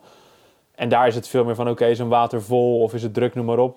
Dan kan je ergens anders heen rijden met dezelfde vergunning. Eh, dus die drempel is denk ik wel relatief laag. Maar je moet wel het avontuurlijke ex- ex- hoe noem je dat, eh, aspect daarvan kunnen waarderen. Want ja, ik heb zoveel kilometers weg, zeg maar, weggevreten om... Voor- eh, Wat eh, niks opleverde. ja, bewijzen van inderdaad. Ja. Dus dat is... En ik kan me heel goed voorstellen, ook in combinatie met een gezinsvakantie. Je zegt van, joh, ik ga naar de camping in Bled en ik vind het relaxed. Ik kan zwemmen daar, dus schoon water, noem maar op. Dat is heel anders dan dat je ergens, weet ik veel, in een voorstad van Parijs eh Je laat beroven. laat beroven inderdaad, ja. Klopt. Ja, ik denk zeg maar, dat als je eh, gaat karpenvissen in Frankrijk, dan moet je eigenlijk de mindset hebben van dit ga ik vaker doen. Ja, Slovenië kun je gewoon, dus je zegt joh, ik krijg een ingeving, ik ga vissen in Slovenië, super cool. En dat kan, want je koopt gewoon een vergunning, je weet hoeveel stekken er zijn ongeveer en je kan gewoon vissen. En ik denk dat als je zegt joh, ik ga openbaar water in Frankrijk vissen, dan moet je gewoon zeggen oké, ik ga maar ieder dat is jaar voor lange termijn inderdaad. ga ik ieder jaar een week, één of twee keer, een weekje. Eh, en wat je dus gaat leren is dat als je eenmaal in Frankrijk gaat vissen, je komt altijd Nederlanders tegen, Belgen, je komt locals tegen, je leert een nieuw water kennen. Die andere local zegt, joh, ik weet nog een gebied daar. En zo bouw je eigenlijk een soort portfolio Ja. op. Eigenlijk moet je het zo zien als allemaal stipjes in Google Maps. Zorg dat als je wat hoort, dat je meteen een sterretje zet in je Google Maps, dat je even erbij zet, oké, zus en zo, dit is wat ik gehoord heb. En dan kun je veel makkelijker, eh, als je dus een aantal jaren dat doet, puzzels leggen informatie, ja. waar, je het, waar het dus goed is. Dus eh, ik ben begonnen zelf op eh Gonrecchance. Je hebt in het noordoosten, dus voor de kijkers, noordoosten van Frankrijk heb je een merengebied met eh Etang du Stoc, Gonrecchance, eh Mittersheim. Dat zijn eigenlijk eh, vier, vijf wateren vlak bij elkaar. En overal zit gewoon karper. Ja, maar dat geldt denk ik sowieso voor bijna Ja. alle water in Frankrijk. En wij wisten van, we hadden een dvd gezien en we is Edwin Otte en ik, EO. Het was 2003. Eh, er was nog geen Tom Tom niks. Hè? Dus toen we daar naartoe reden was het gewoon op de kaart. zo van, Oké, volgens mij hadden we die af, afslag hier moeten hebben. Maar we wisten dus, op, op al die wateren zwom karper. En ja, meer hoef je eigenlijk dan niet te weten om een mooi avontuur te beleven. En nu is Was dat dat jullie vanaf die camping met dat hek zaten, waar je ook Ja. gefilmd had? Ja, exact. Toen is eigenlijk... Voor beetje- toen was het echt ziek wat je toen ving, maar dat waren echt 16 kilo, zeg maar. Ja, ja, ja, klopt. Eh EO had toen 20 kilo. We hadden eh, twee 18 en 19 kilo vissen.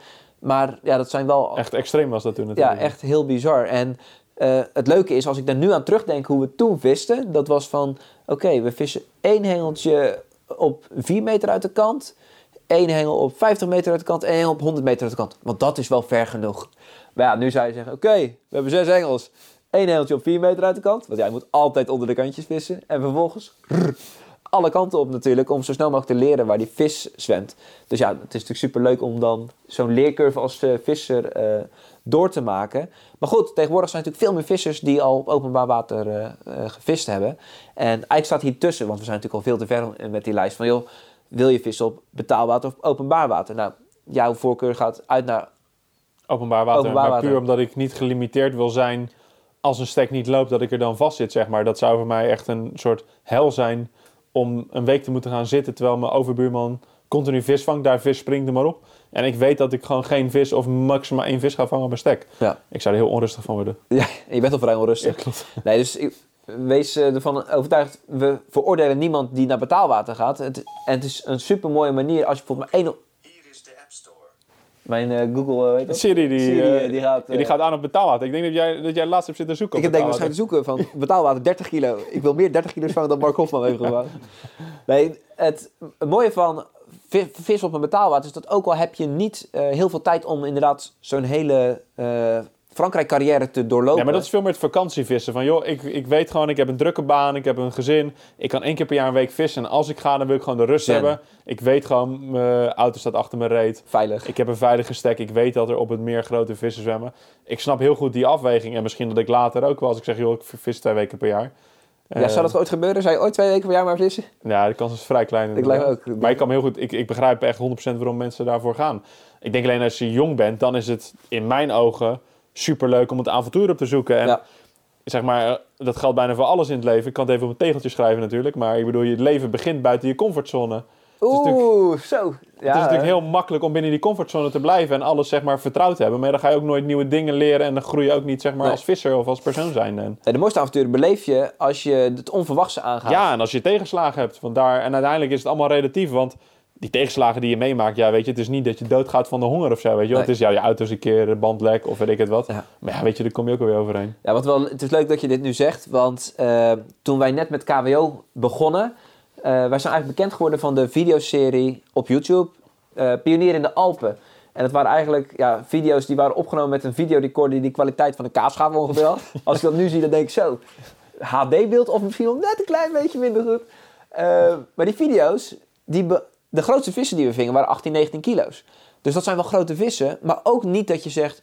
eh, 30 kilo's, 35 kilo's. Dus het is niet per se, dat hebben we toen eigenlijk geleerd, dat het dus niet per se nodig is eh, om grote vissen te vangen, om een avontuur mee te maken. En het is ook helemaal niet nodig om enthousiast te worden. Eh, mensen, eh, het, is, het zou heel makkelijk zijn voor ons om te denken, ja, video's moeten echt wel 20 kilo vissen in, want anders Nee, vinden mensen het helemaal niet niet zo. Ik- Want dat is niet zo. Nee, ik denk dat veel mensen dat ook wel begrijpen hoor.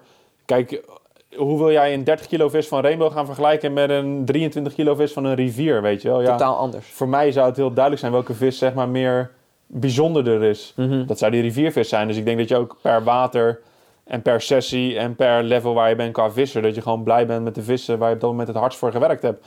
Ik heb ook vissen. Ik zat eh, afgelopen winter in Duitsland te vissen. En het is bizarre beelden zijn het hoor. Ik zat op de kant, het sneeuwde. Er lag een school met vis, lag voor mij, zag ik met de drone. Ah, ik heb drie dagen lang geprobeerd een vis uit die school te vangen. Die vissen lagen hoog, dus op een gegeven moment dobbers gevist, langzaam zinkende maden, noem maar op. Als ik op dat moment een vis had gevangen van 12 pond, dan had ik compleet uit mijn dak gegaan. Ja. En dat is gewoon puur, denk ik, wat De het is. Hoe meer moeite je erin steekt, hoe zoeter zeg maar, het is. En dan maakt het niet uit of die 12, 18 of 25 is. Het zou wel lekker zijn als die 25 Ja. is. Wil je, nu we toch over deze, wil je even vertellen hoe het daar met de drone afliep op deze stek? Ja, ik had dus ook, dat was die sessie ervoor, had ik dus een school vis op het midden van het water liggen. En ik Ga er maar helemaal- even goed voor zitten, dames en heren. Dit is een typische Pilar Hofman anekdote. Ja, ik zat te vissen en ik ving wel vis, maar niet dat het keihard liep. En ik had nog geen grote vissen. En ik vond een school met vis met de drone echt midden, midden op het water. En er zaten echt heel veel grote vissen bij. Ik denk dat 300, 400 vissen waren. En, ehm, maar ik mag alleen werpen op dat water. Ik had een speciale hengels mee, maar alsnog sowieso onmogelijk om dat te redden. Ja. Dus dan leg ik me erbij neer. En dat duurt ongeveer twee minuten. Want dan kan ik het sowieso niet meer aan dat ik weet Die dat vissen vis liggen daar. ligt en bij mij niks zit. Dus ik denk, ja, weet je, fuck it, ik moet gewoon proberen. Dus ik had met een PVA-tape aan mijn drone had ik mijn richt geknoopt, zeg maar een meter eronder. En het ging heel prima, want ik ging gewoon rup als een raket naar die vissenschool toe. Was je niet bang dat je motor zou blokkeren en dat dan zo die drone zo kets? eh? Nou, ik had hem maar even inderdaad goed open, wel bewust inderdaad open. En eh, ik zag die vis, ik zag schone plekken naast. Ik mooi, ik had PVA-kousie gedaan. Alles ging gewoon voorbeeldig. Ik zakken die drone. PVA smelten. PVA smelten, woep, zag maar recht zo vallen. Ik denk, ja, sowieso kat in het bakje dit. dus eh, ik weer terugvliegen, rup, als de brandweer. En op een gegeven moment denk ik 20 meter uit de kant. Ik denk, wat gaat die drone raar doen? Je zo woep, woep, woep. Normaal is die heel stabiel. Ik denk, nee joh, dat meen je niet. joh. Was natuurlijk, mijn PVA was gesmolten, zeg maar bij mijn rig onderaan. Ja. Maar er hing nog zo'n sliert met PVA-tape natuurlijk onder die drone. Dus die was in die propeller gezogen. Ja. Dus mijn drone ging rup, bap, zo de plomp in. Dus, en eerst dacht ik, mijn eerste reactie was dan, oké, ja, kut. Hoort bij het leven. Balen, oké, maar ik, ik probeer me daar niet heel erg over op te winden. Ik denk dan nog eerder van, niet zonde van die drone, maar shit, nu kan ik niet meer vissen zoals ik wil vissen. Ja. Maar ehm, na vijf minuten dacht ik van, oeh, ja, die SD-kaart zit erin. En dat is op zich wel lekker. Voor die als beelden. die beelden inderdaad terug hebben van die vier dagen vissen die ik had. Het was november, dus ik ja, weet je, oké, scheid. Dus toen ben ik erin gesprongen en heb ik die drone eh, teruggevonden, gewoon onder water. Ja. Heb ik weer opgehaald. En nu, eh, ja, Bulters, jij hebt hem vandaag gebruikt, hè? Ja, Maar- hij, ma- hij mag wat zeggen, hè, Bulters? Hij doet het weer, hij doet het weer. Ja, wel een kleine reparatie was eh, noodzakelijk. Ja, klopt, maar hij doet het inderdaad weer. Ja. Maar goed, en het leuke was, ik had die richt nog laten liggen daar drie uur en geen beet gehad, geen piep gehad. Dus het was, het was in ieder geval niet de moeite. Dus, eh, Nee. Maar goed, wat je zegt dus, eh, eh, als, als hij was afgelopen, had het natuurlijk een heel cool gevoel geweest. ja, En natuurlijk. En dan vis is het ondergeschikt hoe groot die super vis eh, is. waardevol. En ik denk ook haast dat eh, als je op den duur, zoals jij en ik allebei, op den duur heb je een 40er gevangen, je hebt een 50 gevangen, je hebt een keer 30 kilo vis eh, gevangen, dan is een grote vis vangen is iets speciaals. Maar het is niet meer dat een trip alleen maar geslaagd is als dat is gelukt. Eh, Ja, maar het ligt ook weer hoe je vooraf, hoe je er naartoe gaat, denk ik inderdaad hoor. Ehm, voor mij is een trip wel extra geslaagd. Ik, ik, ik steek niet onder stoelen of banken als ik ga vissen. dat is Dus echt 9 van de grote- 10 keer wil ik echt een hele grote vis vangen. Omdat ik ook gewoon weet dat ik heel veel kilometers erin steek. Dus er gaat heel veel geld in zitten. Qua reiskosten, noem Ja. alles maar op. Ehm, dus ik wil wel graag een grote vis vangen. En daardoor, het enige is, is dat je gewoon realistisch in je hoofd moet zijn. Van oké, het gebeurt niet altijd. En als je alleen maar gefocust op bent, ik wil wel een grote vis vangen. Ik ga er alles aan doen. Maar ik, ik laat niet zeg maar mijn week dat ik zagrijnig ben als ik hem dan niet vang. Dat je dan thuis komt, dat je dan je vriendin zegt, nu ben je aan een week weg geweest, Ja. kom je terug, je hebt vakantie gehad, je zou ontspannen moeten zijn en je bent chagrijnig. Ja, maar daarom zou ik bijvoorbeeld zelf denken, target vissen is niks voor mij. Ik heb dat één keer geprobeerd. En dat was een target op 1200 kilometer rijden. Dat is ook niet echt heel handig. Maar ehm, ik kan me heel goed voorstellen dat als jij target vist, dat je die ene vis wil vangen. En dat elke andere vis dan een teleurstelling is. En ik zou dan echt plezier in mijn visserij verliezen als ik op die manier Ja, dat zou moeten beleven. Ik denk, van, als je, want elke keer krijg je een runnetje, zal het hem zijn, zal het hem zijn, zal het zijn. En dan zie je hem bij de kant en denk je, nee, shit, hij is het niet. En dan, ja, dan ben je toch minder blij ja. als dat je normaal zou zijn. Nou, ik denk dat onder de KWO-members, onder de mensen die kijken, dat er heel veel boys en girls zijn die nog nooit in Frankrijk eh, gevist hebben. Eh zelfs zal waarschijnlijk gelden voor Slovenië, maar Slovenië hebben we net al aardig wat eh, over verteld.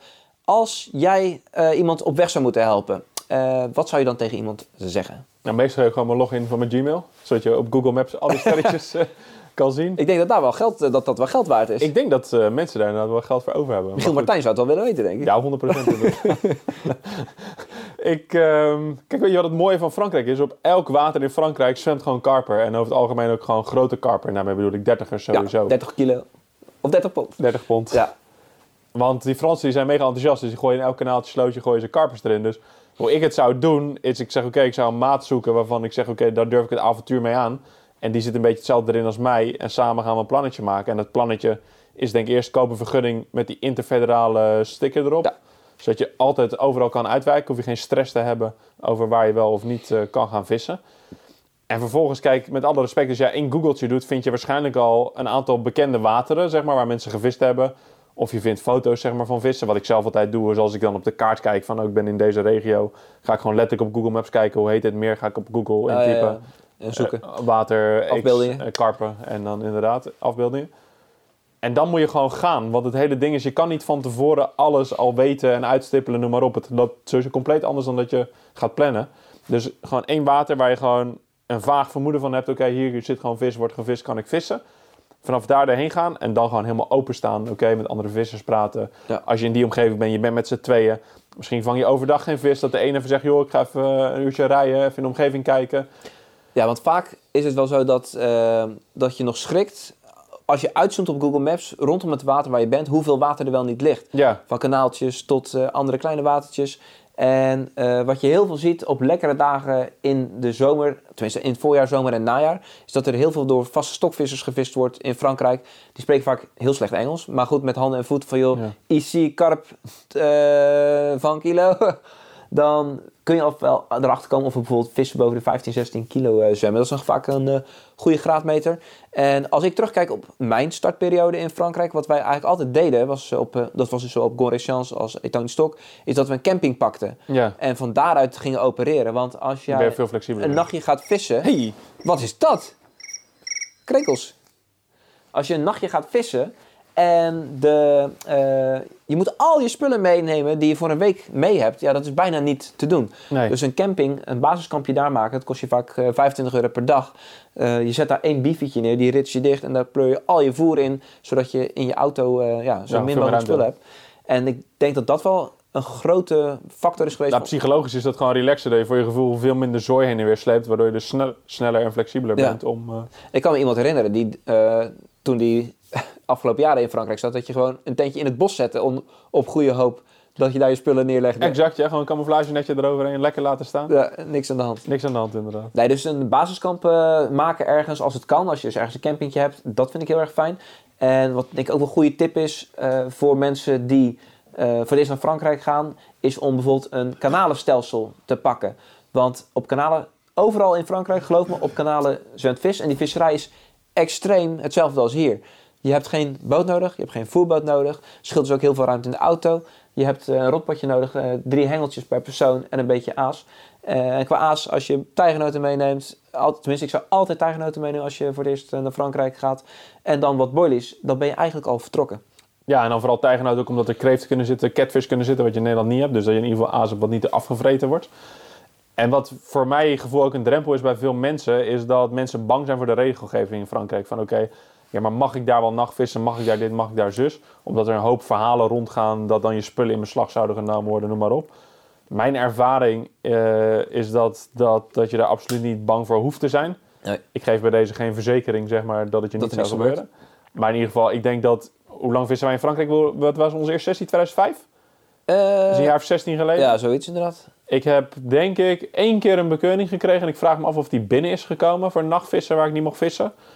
Ehm, dus ik zou me helemaal niet zo druk maken over al die regels en noem maar op. Want vaak, als je op het water zelf bent, hoor je snel genoeg wat, er wel of wat er niet Ja, mag. ja.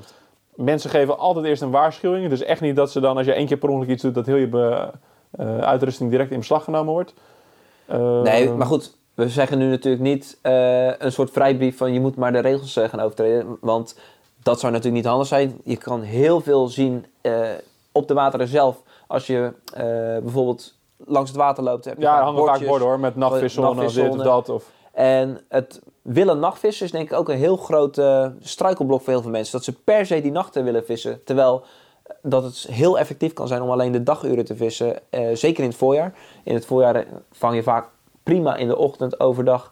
eh, en gewoon eh, ja, richting het einde van de en ik middag. snap wel dat het gedoe is hoor, als je veel spullen bij hebt. Maar dan moet je gewoon een camping inderdaad pakken. Waar je Ja, gewoon, maar of eh, gewoon zeggen, joh, we hebben hier een mooie stek. Je mag hier niet nachtvissen. Prima. We vissen gewoon ja, eh, daar denk ik 18 binnen. uur per dag. We vissen van... eh, Ja. Eh, ja, goed, van- vanaf dat licht wordt tot een uurtje na zonsondergang. En dan vang je ook je vissen.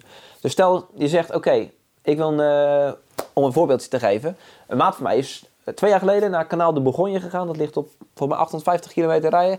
Beste eind. Wat hij daar gedaan heeft, oké, ik kies drie stuurstukken uit. Die liggen uiteraard achter elkaar.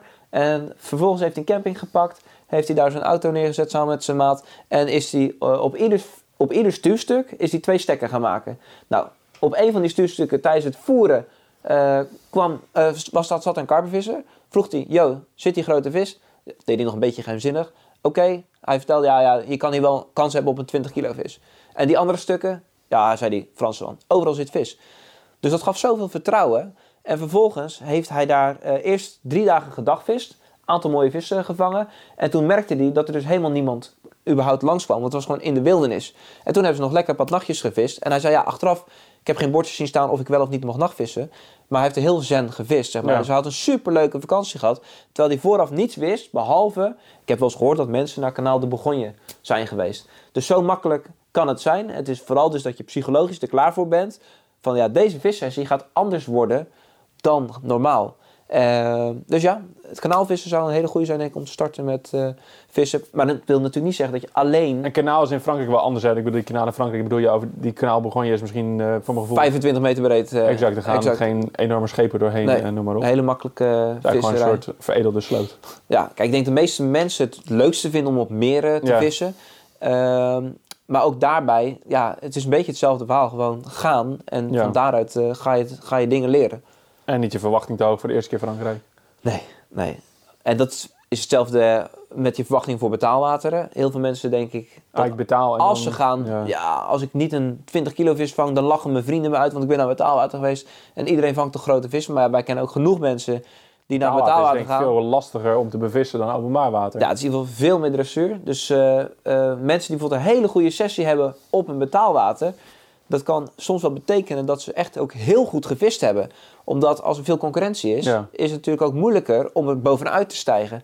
En ja, de openbaarwatervissers, die praten wel vaak zeg maar Beetje van... neerbuigend, ja. Exact, neerbuigen van, oh ja, die gasten vissen alleen maar op betaalwater, lekker makkelijk. Maar daar zijn we wel van teruggekomen. We hebben ook wel een aantal keer dat we op moesten filmen op betaalwater. Of dat we bijvoorbeeld bij de Karpenhoeven een kamp hebben georganiseerd. Als je dan hoort, oké, Karpenhoeven, ze hebben bijvoorbeeld 800 karpers op eh ja het- 8 hectare of 6 hectare. En dan denk je natuurlijk, oké, dus als ik nu hier over het water kijk, kijk ik over 400 karpers. Waarom worden er dan maar per dag drie gevangen? Terwijl op een Ja. openbaar water, als, dan, als je daar dan zou zijn en je zou met twee man daar zitten, je hebt het voor jezelf, ja, dan ga je natuurlijk maximaal Vis vis, vangen. Dus, eh, maar goed, dat is ook het mooie van op openbaar water. Als het rustig is en je valt met je neus in de boter, dan kun je vissen vangen die nog niet in de boekjes hebben gestaan, die nog niet veel op internet zijn verschenen. En dat is wel iets heel moois. En daarom denk ik dat we allebei eh, fan zijn van het openbaar watervissen. Maar daarbij gezegd, moeten we, daarbij moeten we wel zeggen dat wij ook veel tijd hebben. Omdat we de kans, eh, onszelf de kans geven om meermaals te gaan. Om op ons bek een keer te gaan en dan sterker terug te komen. Maar wat we net zeiden, als je maar één weekje per jaar hebt, dan is het wel een beetje een Ja, dan is het moeilijker eh, verhaal.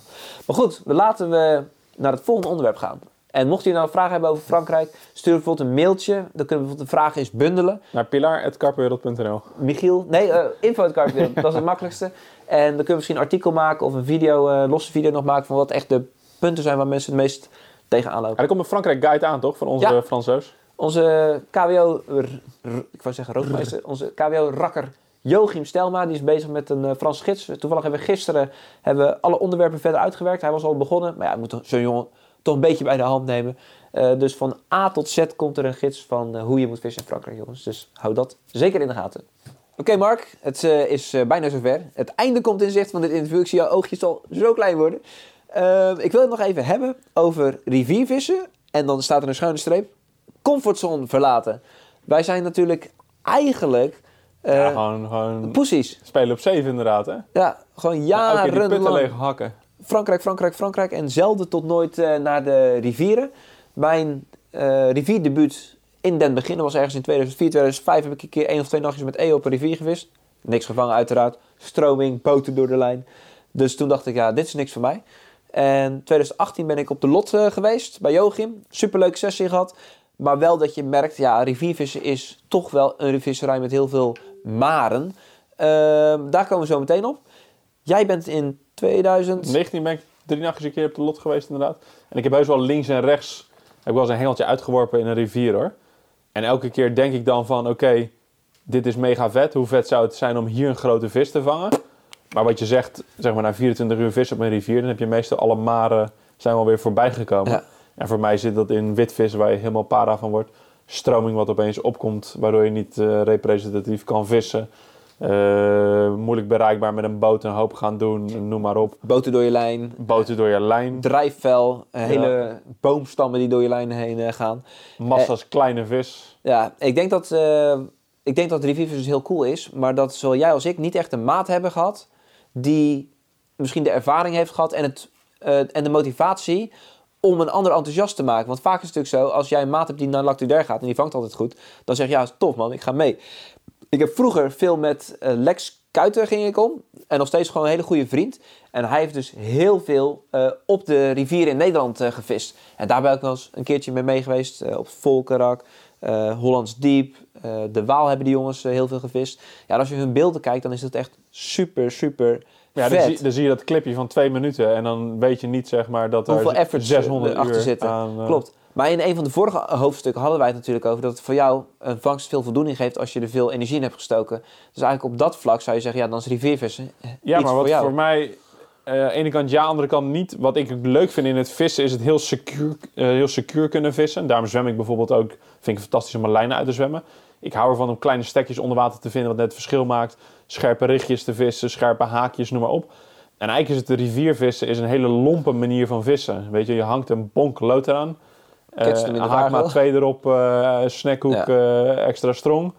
Ehm, en voor mij, zeg maar, als ik dan, weet ik veel, een nacht vis en ik haal mijn hengel binnen en mijn haken zijn bot en noem maar op. Ja, dat, dat, Zeg ik het goed als ik zeg, als ik de stelling zou droppen, ehm, bij riviervissen heb je zoveel niet in de hand zelf, dat je afhankelijk bent van hoe het is, Ja, dat is ook een grote... dat, je, dat het daardoor soms demotiverend is. Of dat het niet prikkelt om echt vol gas erin te geven. Ja, ik denk dat dat inderdaad is. Dat, en dat is voornamelijk denk ik stroming wat roet in het eten kan gooien. Van joh, ik heb gepland in het voorjaar een week te gaan. En wat, het zeg maar, ik heb mm, bekenden van mij, wat ik zeg ook Ruud en Kees. die gaan echt, weet ik hoe vaak, naar Frankrijk. En dan eens in de zoveel jaar is het dan een keer raak op zo'n rivier. Ja. Dat dan alle omstandigheden goed zijn. Want de stroming valt toevallig weg. Het water is helder, noem maar op. Vissen zitten in die regio. Ja, terwijl het voor de meeste, is, ik denk, als je zeg maar echt de lat hoog wil leggen om een succesvolle sessie te hebben, dan moet je en naar Frankrijk gaan en naar een rivier gaan. Want als je in Nederland op een rivier vist, dan kan je misschien nog in, goed in de gaten houden, week in, week uit, stek aanvoeren, noem maar op. Maar ik denk als je echt één weekje twee weken per jaar zeg maar, naar Frankrijk gaat en je gaat naar een rivier, dan moet je wel echt zoveel geluk hebben. Ja, want je met, met je neus in de boter vallen. En wat je nu zegt is wel interessant. Ik ben namelijk afgelopen jaar, 2020, ben ik in het najaar begonnen met het vissen op de Maas. En hoe komt dat?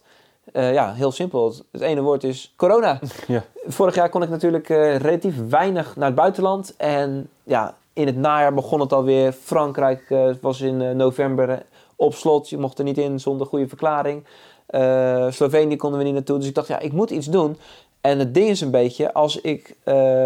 karpenvissen is mijn werk. Jullie kijken graag naar mooie video's. Maar het moet wel een onderwerp zijn wat cool is. En wat Mark net al zei, is van ja, als je iets doet wat moeite en tegenslag eh, oplevert, dan is dat vaak wel heel leuk om naar te kijken. Dus ik dacht, oké, ik ga mijn comfortzone verlaten en ik ga vissen op extra grote vissen, XXL karpers in België. En dan op hele ruige wateren. Nou goed, dan kom je al vrij snel uit op de Maas. Dus ik ben eh, half november begonnen met eh, vissen op de Maas. En dat begon heel goed, want in de eerste dag ving ik meteen een 20 kilo vis. Dus dan denk je natuurlijk, ja, dit eh, kan ik wel even volhouden. En ik was de keer daarvoor dat ik op de Maas was, was ik met Mandy wezen vissen. Toen ving Mandy een 20 kilo vis en ving ik een graskarper van 20 kilo. En de, andere keer dat ik met Mandy was wezen vissen, ving ik een 20 kilo schubkarper. Dus ik was drie keer naar de Maas geweest. Ik had drie keer een 20 kilo vis in mijn handen gehad. Dus dat denk je, ja, dat is makkelijk. Maar in de negen nachten daarna heb ik nog twee kleine vissen gevangen. Maar ik denk wel dus dat die reis die ik eh, gemaakt heb met eh, eh, alle verschillende sessies die ik gevist heb, dat het heel interessant wordt om dat te gaan bekijken. Omdat ik dus echt geleerd heb op eh, die maasvisserij. Van joh, als je één nachtje per week hebt, lastig verhaal. Eh, al wel één nachtje per week, 30, 40 keer, dat zou nog wel prima zijn. Want dan kun je echt wel heel veel stekken leren kennen. Maar je moet echt je tanden erin zetten in die rivieren. En dat is het mooie van een put. Je komt aan, je kijkt hoe de wind staat. eh, je voelt een beetje aan aan je vingersplitsengevoel. Waar zit die vis? En vervolgens doe je je vertrouwde ding. En dan komt het goed. Maar nu moest ik het echt vanaf nul eigenlijk eh, allemaal gaan leren. En het leerproces is nog in eh, volle gang. Dus dat is voor mij wel Want hoe lang is zo'n eh, stuk rivier waar je op vis? Dat is 20 kilometer of zo, toch? Nou, dat, ja, dat, dat zou je denken, maar dat valt wel mee. Dat zijn stukken van de Maas in België. Dat is bijvoorbeeld eh 8 kilometer, 12 kilometer, 5 kilometer. Want hoeveel hectare, waar komt dat op neer dan ongeveer? Ja, gemiddeld eh, 150 meter breed. Dus dan is dat eh 200 hectare, 300 hectare Ja, per stuurstuk. Alsnog, ja, stuurstuk, ja, zo, zo noem je dat. Ik denk dat veel mensen ook veel op foto's voorbij zien komen op Facebook van grote vissen van een rivier. Ehm, zeker van bepaalde gasten, weet je, als je met de Ruby Ja, Ruud maar Lemmens, op. JP Offermans. Maar als jij weet dat die gasten elke dag bijna van hun leven op of rond die rivier zijn, dan plaatst dat ook wel in een ander perspectief van oké. Ja, ik weet bijvoorbeeld van eh, JP, dat is een goede visser, maar hij heeft heel veel tijd. En hij maakt ook vooral tijd. Hè? Je kan zeggen, kijk, iedereen kan twee nachten in de week vissen als hij wil. Iedereen Ja. kan dat doen. Maar de meeste mensen denken, hé, hey, weet je wat? Ik zit wel lekker te Netflixen. Ik eh, blijf lekker Netflixen. Maar JP kiest ervoor om acht uur s'avonds nog naar de rivierterrein nacht te vissen. Eh, maar goed, hij vangt wel 25, 40 ponders op een jaar op de Maas en de andere rivieren waar hij vist. Dus eh, rivieren, ook kanalen, Albertkanaal. En daar heb ik wel heel veel respect voor, omdat dat echt boys zijn, ook zo'n Rudy, die zetten hun tanden in zo'n stuk. En dat komt gewoon omdat ze helemaal verkarperd zijn. Ja. Helemaal verkarperd. Dus gewoon verslaafd tot in de vezel van hun ziel. Maar eigenlijk, dat moet je ook zijn om zo succesvol te kunnen zijn. Je moet daar gewoon meermaals per week zijn om dan te proeven. En dat doe je meerdere jaren achter elkaar. Dus de keren dat ik op de Maas was en succesvol was, was ik telkens mee met iemand eh, die het spelletje kende. Maar nu was ik dus op mezelf aangewezen. Nou, wij zijn ook een keertje samen geweest. En dan denk je van ja, hier gaan we nu wel vis vangen, want het ziet er allemaal super goed uit. Ja, dan vingen we één klein visje en dat was het. Dus het is wel, voor mij was is het wel heel leuk om die puzzel opnieuw te gaan leggen. En eh, ja, jullie daar dus eh, in eh, mee te nemen in deze mooie reis op de rivieren. Ik denk ook wel dat we in de toekomst ook echt wel op zulke wateren meer gaan vissen inderdaad. Want ik, het is wel natuurlijk een mega uitdaging. En wat ik net al zei, is al kan je op zo'n rivier een vis vangen van 20 of 25 kilo. Ja, dat is wel een vis of lifetime natuurlijk. Klopt, dat geeft wel heel veel voldoening. En voor ons is het op dit moment, wordt het ook steeds makkelijker om zulke sessies te maken. En dan moeten we eigenlijk even iets meer vertellen over KWO, het bedrijf. Toen Mark, Jos en ik het overnamen van de oude eigenaren, dat is nu 8,5 jaar eh, geleden. Ja, toen hebben we, denk ik, vijf jaar lang 60 uur per week per persoon gewerkt. En dan, eh, als we gingen vissen, dan deden we tijd vrijmaken in de agenda. Dat we gewoon vier, vijf dagen naar Frankrijk konden. En dan moest het gebeuren. En omdat je dan zo gefocust bent en zo goed voorbereid en ja, dan lukte het ook eigenlijk altijd. Maar, maar nu komen we in een fase van ons bedrijf dat we Wessel hebben, we hebben Robin, we hebben Luc, we hebben Marco. Ja goed, we hebben nu acht, Pim, Linnar. acht negen man eh, die eh, voor ons werken, of met ons werken, zo moeten we het zeggen. Dus voor, voor mij is het nu veel makkelijker om één, twee nachtjes per week weg te gaan. En dat is wel echt een soort van vrijheid die ik nog niet eerder gehad heb. En daardoor is dit ook wel het moment in mijn leven om eh, zo'n rivier wat meter aan te gaan Ik word gewoon pakken. haast emotioneel ervan. nou, maar ik vind het heel mooi. Kijk, eh, we hebben, ja, dat mag ik toch wel zeggen, dat we echt wel hard gewerkt hebben om eh, te staan waar we nu staan. En nu vind ik het dus echt waanzinnig. Maar Piel, wij vissen alleen maar, hè? Dat zegt iedereen toch? ja, iedereen denkt dat we alleen maar vissen, maar wij zitten gewoon achter de laptop, zijn we vol gas aan het werk. En dat is super mooi. Maar bijvoorbeeld, ik was met Bultjes in eh, november. Nou, Bultje jij zit aan de andere kant van de camera. Het was toch gewoon genieten. Twee dagen, tenminste drie dagen, twee nachten vissen. Mooie omgeving, drone erboven, politieagenten erbij, omdat we bij de drone, eh, met de drone aan het vliegen waren. En ja, dat zijn de, voor mij was dat heel bijzonder, zeg maar. Dus ik ben eh, blij dat ik dat rivieravontuur aan ben aan het gaan. Maar goed, ik wilde jou natuurlijk eh, nog wat eh, dingen erover vragen. Zou jij, eh, na, naar aanleiding van de Vlot Experience, was natuurlijk ook een rivier waar Ja. een put aan vast zit. Zie je jezelf dan vaker dit soort trips maken? Ehm, ja. En dat specifieke water waar wij gevist hebben, dat zou ik niet echt als een rivier-rivier zeg maar, beschouwen, omdat er ook geen boten varen.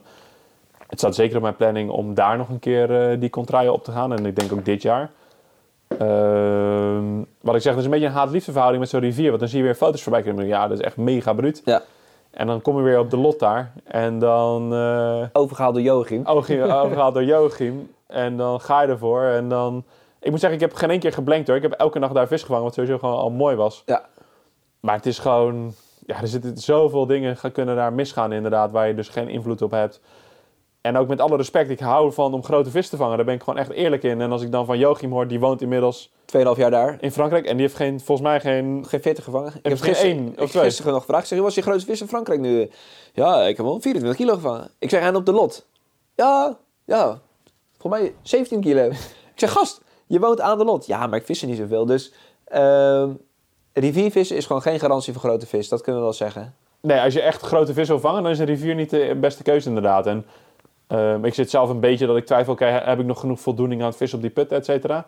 Maar ja, als ik nu ook weer denk, ook in Frankrijk, weet je, ja, een water als Orient of Dudar. Ja, ja, hoe Ja, cool dat is dat? ook wel weer, dat vind ik dan ook, dat, dat trekt mij veel meer als om naar de ronde te gaan, bij Ja. wijze van. Nou, ik heb wel zoiets van, ik ga me dit jaar... eh, eh, hopelijk lukt het ook qua tijd, maar ik denk dat het wel gaat lukken. Dat ik me dus echt wel in die maas eh, wil vastbijten. Ehm, en van daaruit zie ik het wel weer. Ik zeg niet dat ik dan dus op rivieren blijf vissen. Kanaalvissen, dat is misschien ook wel interessant. Eh, je hebt natuurlijk rivieren, kanalen, putten. Zo kun je het een beetje kunnen zien. En dan putten heb je, en bijvoorbeeld hele grote meren, wat je net zei, Orient Duder. En ik vind dan het coolste putten. Dan zou ik zeggen grote meren, rivier en dan kanalen. Want kanalen vind ik echt heel moeilijk om daar mezelf voor op te laden. Ja, en ik ben natuurlijk ook regelmatig met Ian Tiels mee geweest. En dan kijk ik zo naar rechts, als hij op zo'n kanaal zit. Kilometer fietspad. Dan denk ik, oh ja, kilometer fietspad. Beetje saai. Kijk naar links, twee kilometer fietspad. Dus ja, dat eh, vind ik wel heel moeilijk om mezelf voor te motiveren. En ik dacht dat, voordat ik dus op de Maas ging vissen, dacht ik dat het ook op de rivieren zo zou zijn. Maar goed, het mooie is dus, als je op de Maas je drone de lucht in gooit, dan denk je, holy shit, dit is zo tering vet. En eh, dat maakt ook dat ik daar echt gewoon een vis van 25 kilo wil vangen. Ik denk dat dat wel meteen mijn grootste doel is voor eh, volgend jaar. Ja, dit jaar dus. Ja, dat is mooi doel inderdaad. Wat ik nog wilde zeggen over dat kanaalvis, eh, bijvoorbeeld bij zo'n Ian Tiels, hè, ik denk dat dat ook wel een andere visserij is, omdat zij, denk vanuit een bus veel vissen. Ja. En dat ze dan die korte nachten vissen. Dus ik ken niet echt gasten die, ja, die zullen ongetwijfeld zijn, hè, maar die drie, vier dagen aan zo'n kanaal op dezelfde stek gaan zitten. Want dan word je denk ik wel, eh, wel een beetje, een beetje treurig. Maar als jij gewoon die korte nachtjes door de week pakt, is denk ik een kanaal wel ideaal. Want je rijdt je bus er langs. pak twee hengels eruit, hengeltje rechts, hengeltje Ja, links. binnen vijf minuten ligt zit wel heel snel te vissen, dus Ja. ik, ik snap wel daar het voordeel van. En ook daar wordt natuurlijk mega vissen gevangen. Ja, die kanalen in België. eh, ik, ja, ik kom natuurlijk veel in België, omdat ik eh, ook vlakbij woon. Zeeland is eh, echt maar een klein stukje richting de Belgische grens. En je ziet eigenlijk twee soorten vissers. Je hebt de vissers die heel veel vissen en dan af en toe een vis vangen. En je hebt dus de vissers, en dat is Ian is er ook wel zo'n visser van, die, zo, die weet zo goed waar de vis zit. dat hij iedere nacht, als hij vier nachten gaat vissen, hij vier nachten op een andere stek. Ook omdat als hij een vis vangt, dan, is het- dan denkt hij: oké, ik heb nu vis gevangen. Waarschijnlijk zijn de andere vissen verjaagd. Ik ga mezelf weer verplaatsen. Verder, ja. Dus wat je zegt, dat uitvissen.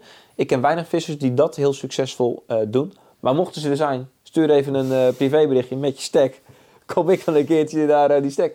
Dat is een grapje, jongens. Zo zou het natuurlijk nooit zijn. Nee, dus dat kanaalvissen moet, dat, dat is denk ik meer iets wat je zegt voor die snelle visserij. wat wat beter eh, bij past. En ik denk ook wel. Ja, je- en die schub gewoon even dood gegaan, hè? Ah, die kanaalschub van het campus. Ja, dat is wel jammer. Ja, jammer Ja. inderdaad. Die Maar jij hebt video. hem wel in het echt gezien, dat is wel bruut. Ja, klopt. Ik was. eh, Was de brute vis ook om het echt te zien? Ja, mega on- indrukwekkend. Eh, Mark heeft het nu over de grote, eh, de grote 4-5. oude schub van kanaalstuk Campus 5-6. 4-5. En dat is een vis die, toen Ian ving was die 28,8 of zo geloof ik. Ja, bij 1 meter. En ja, een hele oude kop. Echt een fantastische vis eh, om, om in het echt te mogen zien. Dan denk ik van oké, wauw. Deze vis is misschien wel 4, 5, 6 jaar ouder dan ik zelf ben. Die vis is 40 jaar oud. Ja. Dus het was ook niet meer dan logisch dat hij een keer zou overlijden. Maar Maar lieg je over je leeftijd, of niet? ja, ik ben 36. Ja, vier jaar. Ja, oké. Ja, ja, ja, ja, ja. Nee, dus eh, dat was mooi om te zien. Eh, 36 al, joh. Jezus, Ja, dat gaat ook wel door, hè? we gaan eh, ophouden over kanaalvissen en over mijn leeftijd. Laten we nog even kort kijken naar 2021. Dat is natuurlijk het jaar eh, waarin KWO Maar het allemaal gaat gebeuren. We st- We bestaan vijf jaar. We hebben dus eh 8,5 jaar geleden KWO overgenomen. Vijf jaar geleden zijn we in januari ook zijn we de community begonnen. En inmiddels hebben we natuurlijk eh, veel trouwe lezers en kijkers. En staan er meer dan nu 850, 900 updates eh, staan er eh, live. Ja, maar vertel eens even, wat eh, zijn de hoofdlijnen voor dit jaar? Nou ja, kijk, in de basis draaien we natuurlijk gewoon content, content, content. En ik denk dat wij continu bezig zijn, zeg maar, om door te investeren in ons team. Waardoor we dus meer en betere content eruit eh, Ja. kunnen, kunnen pushen. En ik denk dat afgelopen jaar, jij weet, jij weet de stads, maar ik weet niet hoeveel video's we in 2020 gereleased hebben. Nou, we hadden 198 eh, updates op de community, dus bijna Ja. 200. En daarvan hadden 104 hadden een video. Ja, klopt. Dus we zeg hebben maar- 104 video's Klopt, voor de... maar dat zijn, zijn dus ook video's. Het zijn niet allemaal eh, video's van een half uur, hè. laat dat Nee, even nee, voorop staan. Kijk, het doel is nog steeds om iedere vrijdag een knalvideo van een half uur of langer te, te droppen. En dan daaromheen willen we nog meer how-to's eh, gaan doen. Want eh, ja, het is eigenlijk zo makkelijk om kennis over te brengen. Zeker nu we deze studio hebben. We kunnen bij wijze van over tien onderwerpen kunnen we een, eh, ja, een, Ja. een praatvideo eh, maken. We moeten alleen even kijken hoe kunnen we dat dan zo interessant mogelijk doen. Dat mensen het ook echt willen afkijken. Maar ja, ook voor ons is het allemaal natuurlijk een, een leerproces. En daarom vind ik het ook belangrijk dat als jullie iets ervan vinden, van positief, maar vooral negatief. Heb je verbeterpunten, drop het in de mail. Info.carpenwereld komt bij mij. En dan eh, zal ik het eh, over mijn ego laten glijden van, oh, ze hebben kritiek. Nee, nee, nee. Ik wil juist de dingen horen die verbeterd moeten worden, jongens. Dus eh, blijf dat zeker doorgeven. Eh, qua... Verder is het, denk waar wij een hoop willen doen en wat soms wel eens lastig is, is de techniek zeg maar, van de website. Ehm, ik snap dat mensen zeg maar, dezelfde verwachting hebben als wat ze bij Netflix bij wijze van hebben. Het enige verschil is natuurlijk dat Netflix waarschijnlijk duizend man heeft zitten aan die elke dag aan het... eh, en wij werken zeg maar, met één programmeur, onze Jan Willem, Ja. die ook karpenvisser is. Ja, maar vertel even, jij, jij schakelt veel met hem. En eh, we willen natuurlijk dat iedereen feilloos kan streamen naar hun tv. Ja. Dat is best lastig. Ja, er zitten zoveel haken en ogen aan en elke tv is weer anders en dan is dat anders en dan verandert daar weer iets. En stiekem hebben we best een heel complexe setup staan zeg maar, om die video's te streamen. Het is niet van, oh, Druk ik op upload mijn video op en YouTube en je kan er alles mee doen inderdaad. Daar zit heel wat achter. En toevallig stuurde die vandaag, eh, was die, is die met de Samsung app bezig. Dat is voor de Samsung TV. Dus uiteindelijk zou het doel zijn dat we voor elk groot tv-platform, dus dan heb je denk ik de LG, Samsung en Sony misschien of zo, dat je daar echt op de tv zeg maar de app kan downloaden. Dus niet meer dat je hoeft te streamen, maar dat je echt op de tv kan kijken.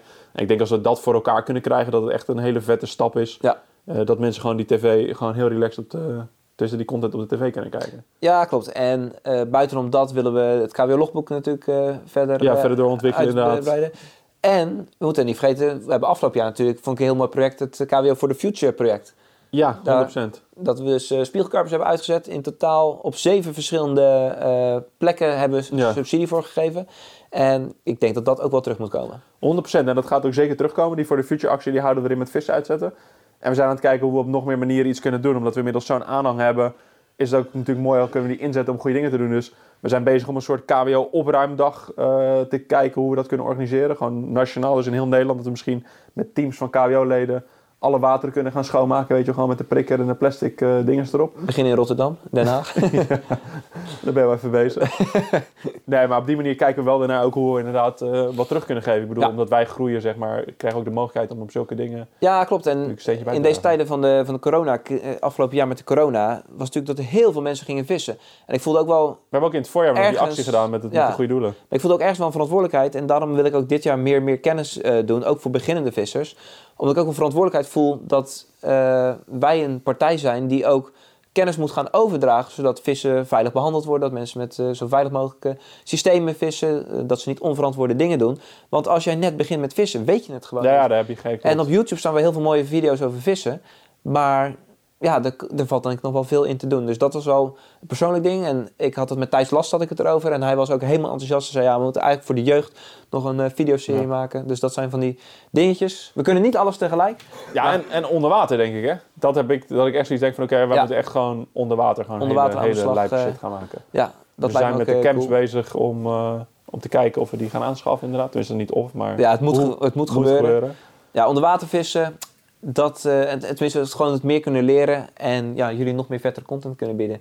Dat zijn de mooie doelen, denk ik. Ja, en wat, uh, jij gaat door de Maas vissen, 25 kilo vangen? Klopt, ik uh, ga toevallig woensdag vertrekken naar Frankrijk, maar tegen de tijd dat deze video uitkomt... Dan ben je alweer terug, heb je al de eerste 50 in je zak zitten? Ja, dat zou lekker zijn. Ik denk wel dat het goed gaat komen. Ik ga samen met René Treffers weer, weer vissen. Maden. En dan weet je het, hè, maden, wormen en dikke vissen. Dus dat zien jullie een deze dagen wel, weken wel voorbij komen. Ja, en verder de plannen. Ik ga weer met Ossie op pad. Ik ga met Tamara en de kids uh, ga ik weer een reis maken. Daar wil ik ook uh, video's uh, van maken. En verder is denk ik heel erg afhankelijk van wat gaat er gebeuren met corona. En dat is voor ons ook wel een beetje spannend. Want we weten, als we de statistieken bekijken, dat jullie het liefst kijken naar avonturenfilms van Pilar en Hofman in het Oostblok. Maar ja, of dat mogelijk is, ligt dus ook aan ja, wat mag ja, er allemaal. maar dan gaan we wel een aan breien. Maar we moeten. We moeten. Dus als jij nog wat te vertellen hebt, mag je het doen. En anders sluit hem lekker af.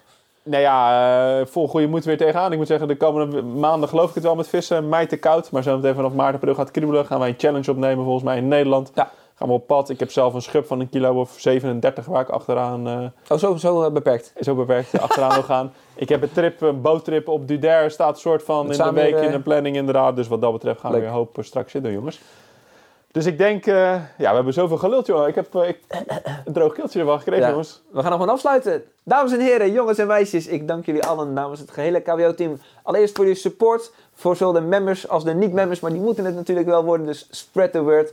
Ik dank jullie ook voor het kijken naar deze video. Ik zou zeggen, ga gezellig ja. het weekend in. Wij gaan uh, onze keeltjes smeren en dan gaan we weer terug richting vrouw, kinderen en ja, min, ja minnares. Buitenechtelijke relatie. Dat zullen wij niet doen.